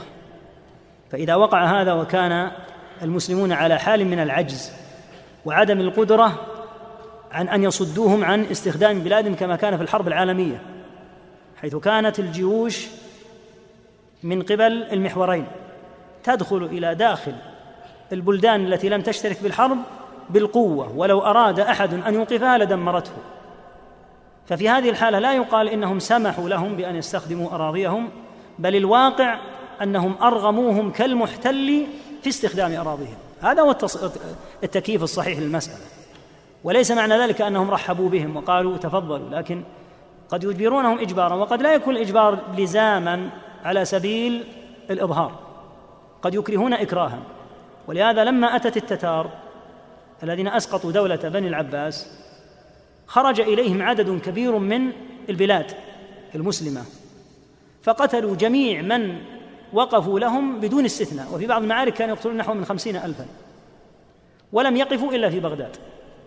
فمثل هذا الزحف الشديد من التتار لو أن أحدا فتح لهم بلده لعلمه بأنهم أسقطوا أصلا الخلافة وقتلوا كما قال ابن القيم رحمه الله فغدا على سيف التتار الألف في مثل لها مضروبة بوزان وكذا ثمان مئينها في ألفها مضبوطة بالعد والحسبان يعني قتلوا مليونا وثمانية, وثمانية ألف في العراق فقط. فإذا أتوا إلى دولة صغيرة أو إلى بليدة صغيرة ودخلوها بالقوة إذا كان الله تعالى يقول إن يكن منكم مئة صابرة يغلب مئتين. فإذا كان عدد هؤلاء مئة وكان عدد التتاري نصف مليون هل يقال عليهم أن يدفعوهم؟ وينبغي أن تظهر المسألة في السؤال هكذا. فرق بين من يرحب بهم ويقول دمروا على المسلمين اهتكوا أعراضهم ودمروا مساجدهم وأحرقوا مصاحفهم وأعينوا على تدمير الإسلام. وبين من يدخل إلى أرضه رغم أنفه. الفرق واضح وبين وجلي والأحوال تعرف بحسب ظروفها ووقائعها. فلا يسأل سؤال هكذا عام ما حكم معلوم أنه لا يجوز أن يمكن أحد. ونص شيخ الإسلام محمد عبد الوهاب على أن مظاهرة المشركين على المسلمين ضرب من ضروب الردة. لكن إذا كان هذا على سبيل الإلزام والإلجاء والإكراه المؤكد الذي يعجز المسلم عن رده فإنه لا شك ما نقول أنه معذور. هذا أصلا مكره حتى نقول هو في حال الإكراه. ولهذا قال الشافعي في الأم إن المسلمين لا يعطون الكفار أموالهم في حال من الأحوال. ثم قال إلا أن يخشوا أن يصطلموا. ما معنى يصطلموا؟ أن يستأصلوا. لأن تأتي أحوال يكون في المسلمين ضعف. ولو وقفوا للكفار ولم يعطوهم الأموال لاستأصلوهم. يقول فإذا كان مثل هذا الحد يعطى الكفار لئلا يغزو المسلمين. يقوله في ذلك الزمن الزاهر حيث كانت الفتوحات في أنحاء الأرض. فلا شك أن الأحوال تختلف. فحال الإكراه له حال وله وضع يعلمه الله وحال الترحيب بقتل المسلمين وتهيئة الأمور لهم هذا ضرب من ضروب الردة لا شك فيه. يسأل عن الخلافة التي ذكر النبي صلى الله عليه وسلم تكون على هدي النبوة. الظاهر أنها الخلافة التي تكون زمن المهدي هذا الذي يظهر. يقول كيف نجمع بين كلام ابن عمر رضي الله عنهما للرجل الذي سأل عن البعوضة والتوجيه بأن لا نعير أحدا بما ذكر عن بلده فربما يكون من أهل الخير والصلاح. لما سأل؟ لما قال هذا؟ يقول لأن هذا من شأنكم التنقير في هذه المسألة ما عيره ببلده. قال هل أنت حين سألت هذا السؤال من تلك البقعة؟ قال نعم. قال هذه طريقتكم. أسئلتكم غالبا فيها تعنت وكانوا يسألون أسئلة تعنت. يعني يأتي ليسأل لا ليجاب ولكن يأتي ليسأل حتى يحرج الصحابي أو ليحرج التابعي. يقول هكذا أنتم أسئلتكم أسئلة تعنت. فلما سأل هذا السؤال استغرب من رجل كأنه يعني يريد التحوط عن دم البعوضة وقد فعلوا ما فعلوا بالحسين رضي الله عنه. يسأل لو أن إنسانا نزل إلى القرى واستقر هناك ومعه إبله هل هو منهي عنه؟ القرى كالمدن يا أخي. القرى والمدن شأنها واحد ولكن الكلام على البرية. يعني تنتقل مثلا من الرياض إلى إحدى القرى. ما في هذا إشكال. لكن هذا في حال فتنة ونحن بحمد الله لسنا في حال فتنة حتى ينتقل في حال الفتنة والاضطراب والاختلاف ينتقل من البلد إلى الصحراء. هذا المقصود. وهو معنى التعرب والبادية. يسأل الأخ يقول الجهاد خروج على ولي الأمر المظاهرات سنة غربية النصح تحريض على ولي الأمر الإنكار بحث عن الشهرة الديمقراطية كفر وعلمنة اعتزال وترك الدول خروج عن الجماعة. بما يكون التغيير نقول هكذا يكون الجهل وهكذا تصاغ أسئلة الجاهلين. لو قال أحد الجهاد خروج على ولي الأمر لكفر. إذا قال أحد إن الجهاد في سبيل الله الذي أوجبه الله خروج هذا يكفر. لأنه يعني أن الجهاد محرم. ولو قال أحد مثل هذا لكفر. أما إذا قال المظاهرات سنة غربية فهذا هو الواقع. وهو الذي حصل في مقتل عثمان رضي الله عنه. النصح والصدع بقول الحق تحريض على ولي الأمر هذه كلمة مجملة. النصح والصدع بقول الحق لإبانته وإيضاحه هذا ليس خروجا على ولي الأمر. ولكن تهييج الناس ليحيطوا بالوزارات وبولي الأمر لينزلوه كما حصل في زمن عثمان هذا هو التحريض. أما أن تقول الحق قل الحق. تأمر بالمعروف انهى عن أمر بالمعروف انهى عن المنكر. ما في هذا إشكال. لكن أن يقال إن هذا تحريض على ولي الأمر التحريض معروف بأن ترفع الطاعة. أما أن تحذر عما يقع. كاتب من الكتاب السفلة يكتب كتابه في الإعلام أو في غيره إذا قلنا إنه أساء وإنه أخطأ حرضنا على ولي, ولي الأمر من قال هذا؟ ليس هذا من التحريض على ولي هذا من النصح لله ولرسوله ولأمة المسلمين وعامتهم ومن كف شره هو وأمثاله. من هؤلاء الذين أفسدوا هذه الوسائل لكن أن يقال للناس افعلوا كذا ولا بد أن يحصل كذا هذا هو المقصود بالتحريض وهذا الذي سمعته من كلام أسامة بن زيد رضي الله عنه. أما قوله الديمقراطية كفر وعلمنة فأنا أدعو الأخ إلى أن يراجع المحاضرة التي قلناها ونقلنا عن الغربيين أنهم يقولون بأم السنة بألسنتهم يقولون إن الديمقراطية علمنة وإنها لا تبنى إلا على العلمانية. ثم يا أخي ماذا تريد الديمقراطية أنت؟ الديمقراطية أول ما فيها إزاحة حكم الله عن الناس لأنها تعني حكم الشعب. ماذا تريد بحكم الشعب؟ حكم الشعب يعني أن الشعب يشرع. فمثل هذه الأمور لم نقلها اعتباطا. أنا كان بإمكاني أن أرمي السؤال لكني أنا أتعمد في بعض الأحيان أن أضع هذه الأسئلة حتى نصل إلى إخواننا هؤلاء. الذين قد يملأهم بعض الغيظ ويملأهم بعض الأمور من المنكرات الموجودة ومن الأخطاء الموجودة في إعلام وفي غير الإعلام. موجود هذا الأمر. ولا ولا يغبى ولا يقال إنه غير موجود. موجود. وينبغي أن يحاسب من يستفز الناس. ما في هذا نقاش. حتى لا يظن الشباب أن أهل العلم منصاعون وأن أهل العلم يريدون أن يكونوا مغطين للأخطاء. الأخطاء موجودة. ونحن نجهر بها بحمد الله. ونحن من أقل وأضعف طلبة العلم. ومشايخنا الكرام بحمد الله يبينونها ويظهرونها تارة في بيانات أو في غيرها وقد سمعت ما أصدر في الاختلاط وفي غيره من بيانات صريحة. فالقول بأن هذه الأمور كأن أهل العلم متمالئون متواطئون نحن نريد أن نصل إلى أسئلة الإخوة هؤلاء حتى لا نجعلهم متقوقعون وحدهم وإلا كان بالإمكان أن نرمي مثل هذا السؤال. لكن نقول يا إخوة التهييج في هذه الأسئلة على هذا النحو وكأن القائل ضد للجهاد في سبيل الله أو كأن القائل ضد للأمر بالمعروف والنهي عن المنكر. هذا من التعدي ومن البغي. الأمر بالمعروف والنهي عن المنكر شريعة فريضة قائمة. جهاد في سبيل الله جهاد طلب وليس جهاد دفع كما يقول المخذولون. بل لا بد أن تجاهد الأمة وأن تهيئ ما قال تعالى وأعدوا لهم ما استطعتم من قوة حتى ينتشر الإسلام وقاتلوهم حتى لا تكون فتنة أي شرك. وهذا باقي في ذمة الأمة إلى قيام الساعة. لكن ليس معنى ذلك الإنسان يجعل تصرفاته الخاطئة باسم الجهاد. كأن يخطف أحدا ويقتله من المعاهدين يقول جهادا في سبيل الله ثم إذا قيل هذا لا يجوز قال أنت تمنع الجهاد. لا هذا ليس جهادا هذا تعدي. ولا شك أن النصوص دالة على منعه فبالإمكان أن ترمى هذه الأسئلة. لكن أرى أن بعض هذه الأسئلة يوصل إلى الإخوة لأنهم أبناؤنا ولا نريد أن تضطرم نفوسهم بالغيظ وبالحقد وبالضغينة على أهل العلم. نقول لا ولله الحمد. ما عندنا أمور نقول إننا في زمن أبي بكر وعمر. المنكرات موجودة وتنكر بالقدر وبالحد الشرعي ولا تخفى لكن أن يقال أيضا ليغير من هب ودب ولتهب الناس للتدمير والإفساد لا هذا لا يقال لا هذا ولا هذا. يسأل عن الرحلة إلى البرية في الصحراء هل تدخل في الحديث؟ لا يا أخي. الرحلة في البرية والمكث في البرية والبقاء فيها أو تتبع الصيد أو غيره ما يدخل كل هذا لا لا لا شك أنه لا يدخل.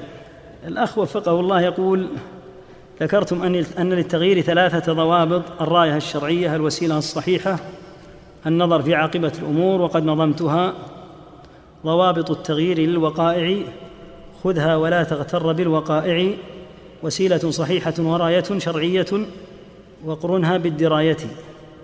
النظم مقبول أو مرفوض؟ نقول جزاك الله خير. مقبول ونقبل إن شاء الله. جزاك الله خير. نعم. يقول ضوابط التغيير للوقائع. وخذها ولا تغتر لو قلت بالواقع أفضل. خذها ولا تغتر بالوقائع لو قلت خذها ولا تغتر بالواقع. وسيلة صحيحة وراية شرعية وقرنها بالدراية. طيب يقول نرجو تذكيرنا بتبييت النية الحسنة والعمل بالعلم قال الشاعر وعالم بعلمه لم يعملا معذب من قبل من قبل عباد الوثن. مثل إن شاء الله تعالى مثل ما قلنا وذكرنا أكثر من مرة في أمر الحرص على الإخلاص لله تعالى والعمل بما تعلم الإنسان. يقول ما حكم الدعاء للرسول صلى الله عليه وسلم بالرحمة؟ أنت تفعله يا أخي في كل صلاة. السلام عليك أيها النبي ورحمة الله وبركاته. الله أعلم وصلى الله وسلم.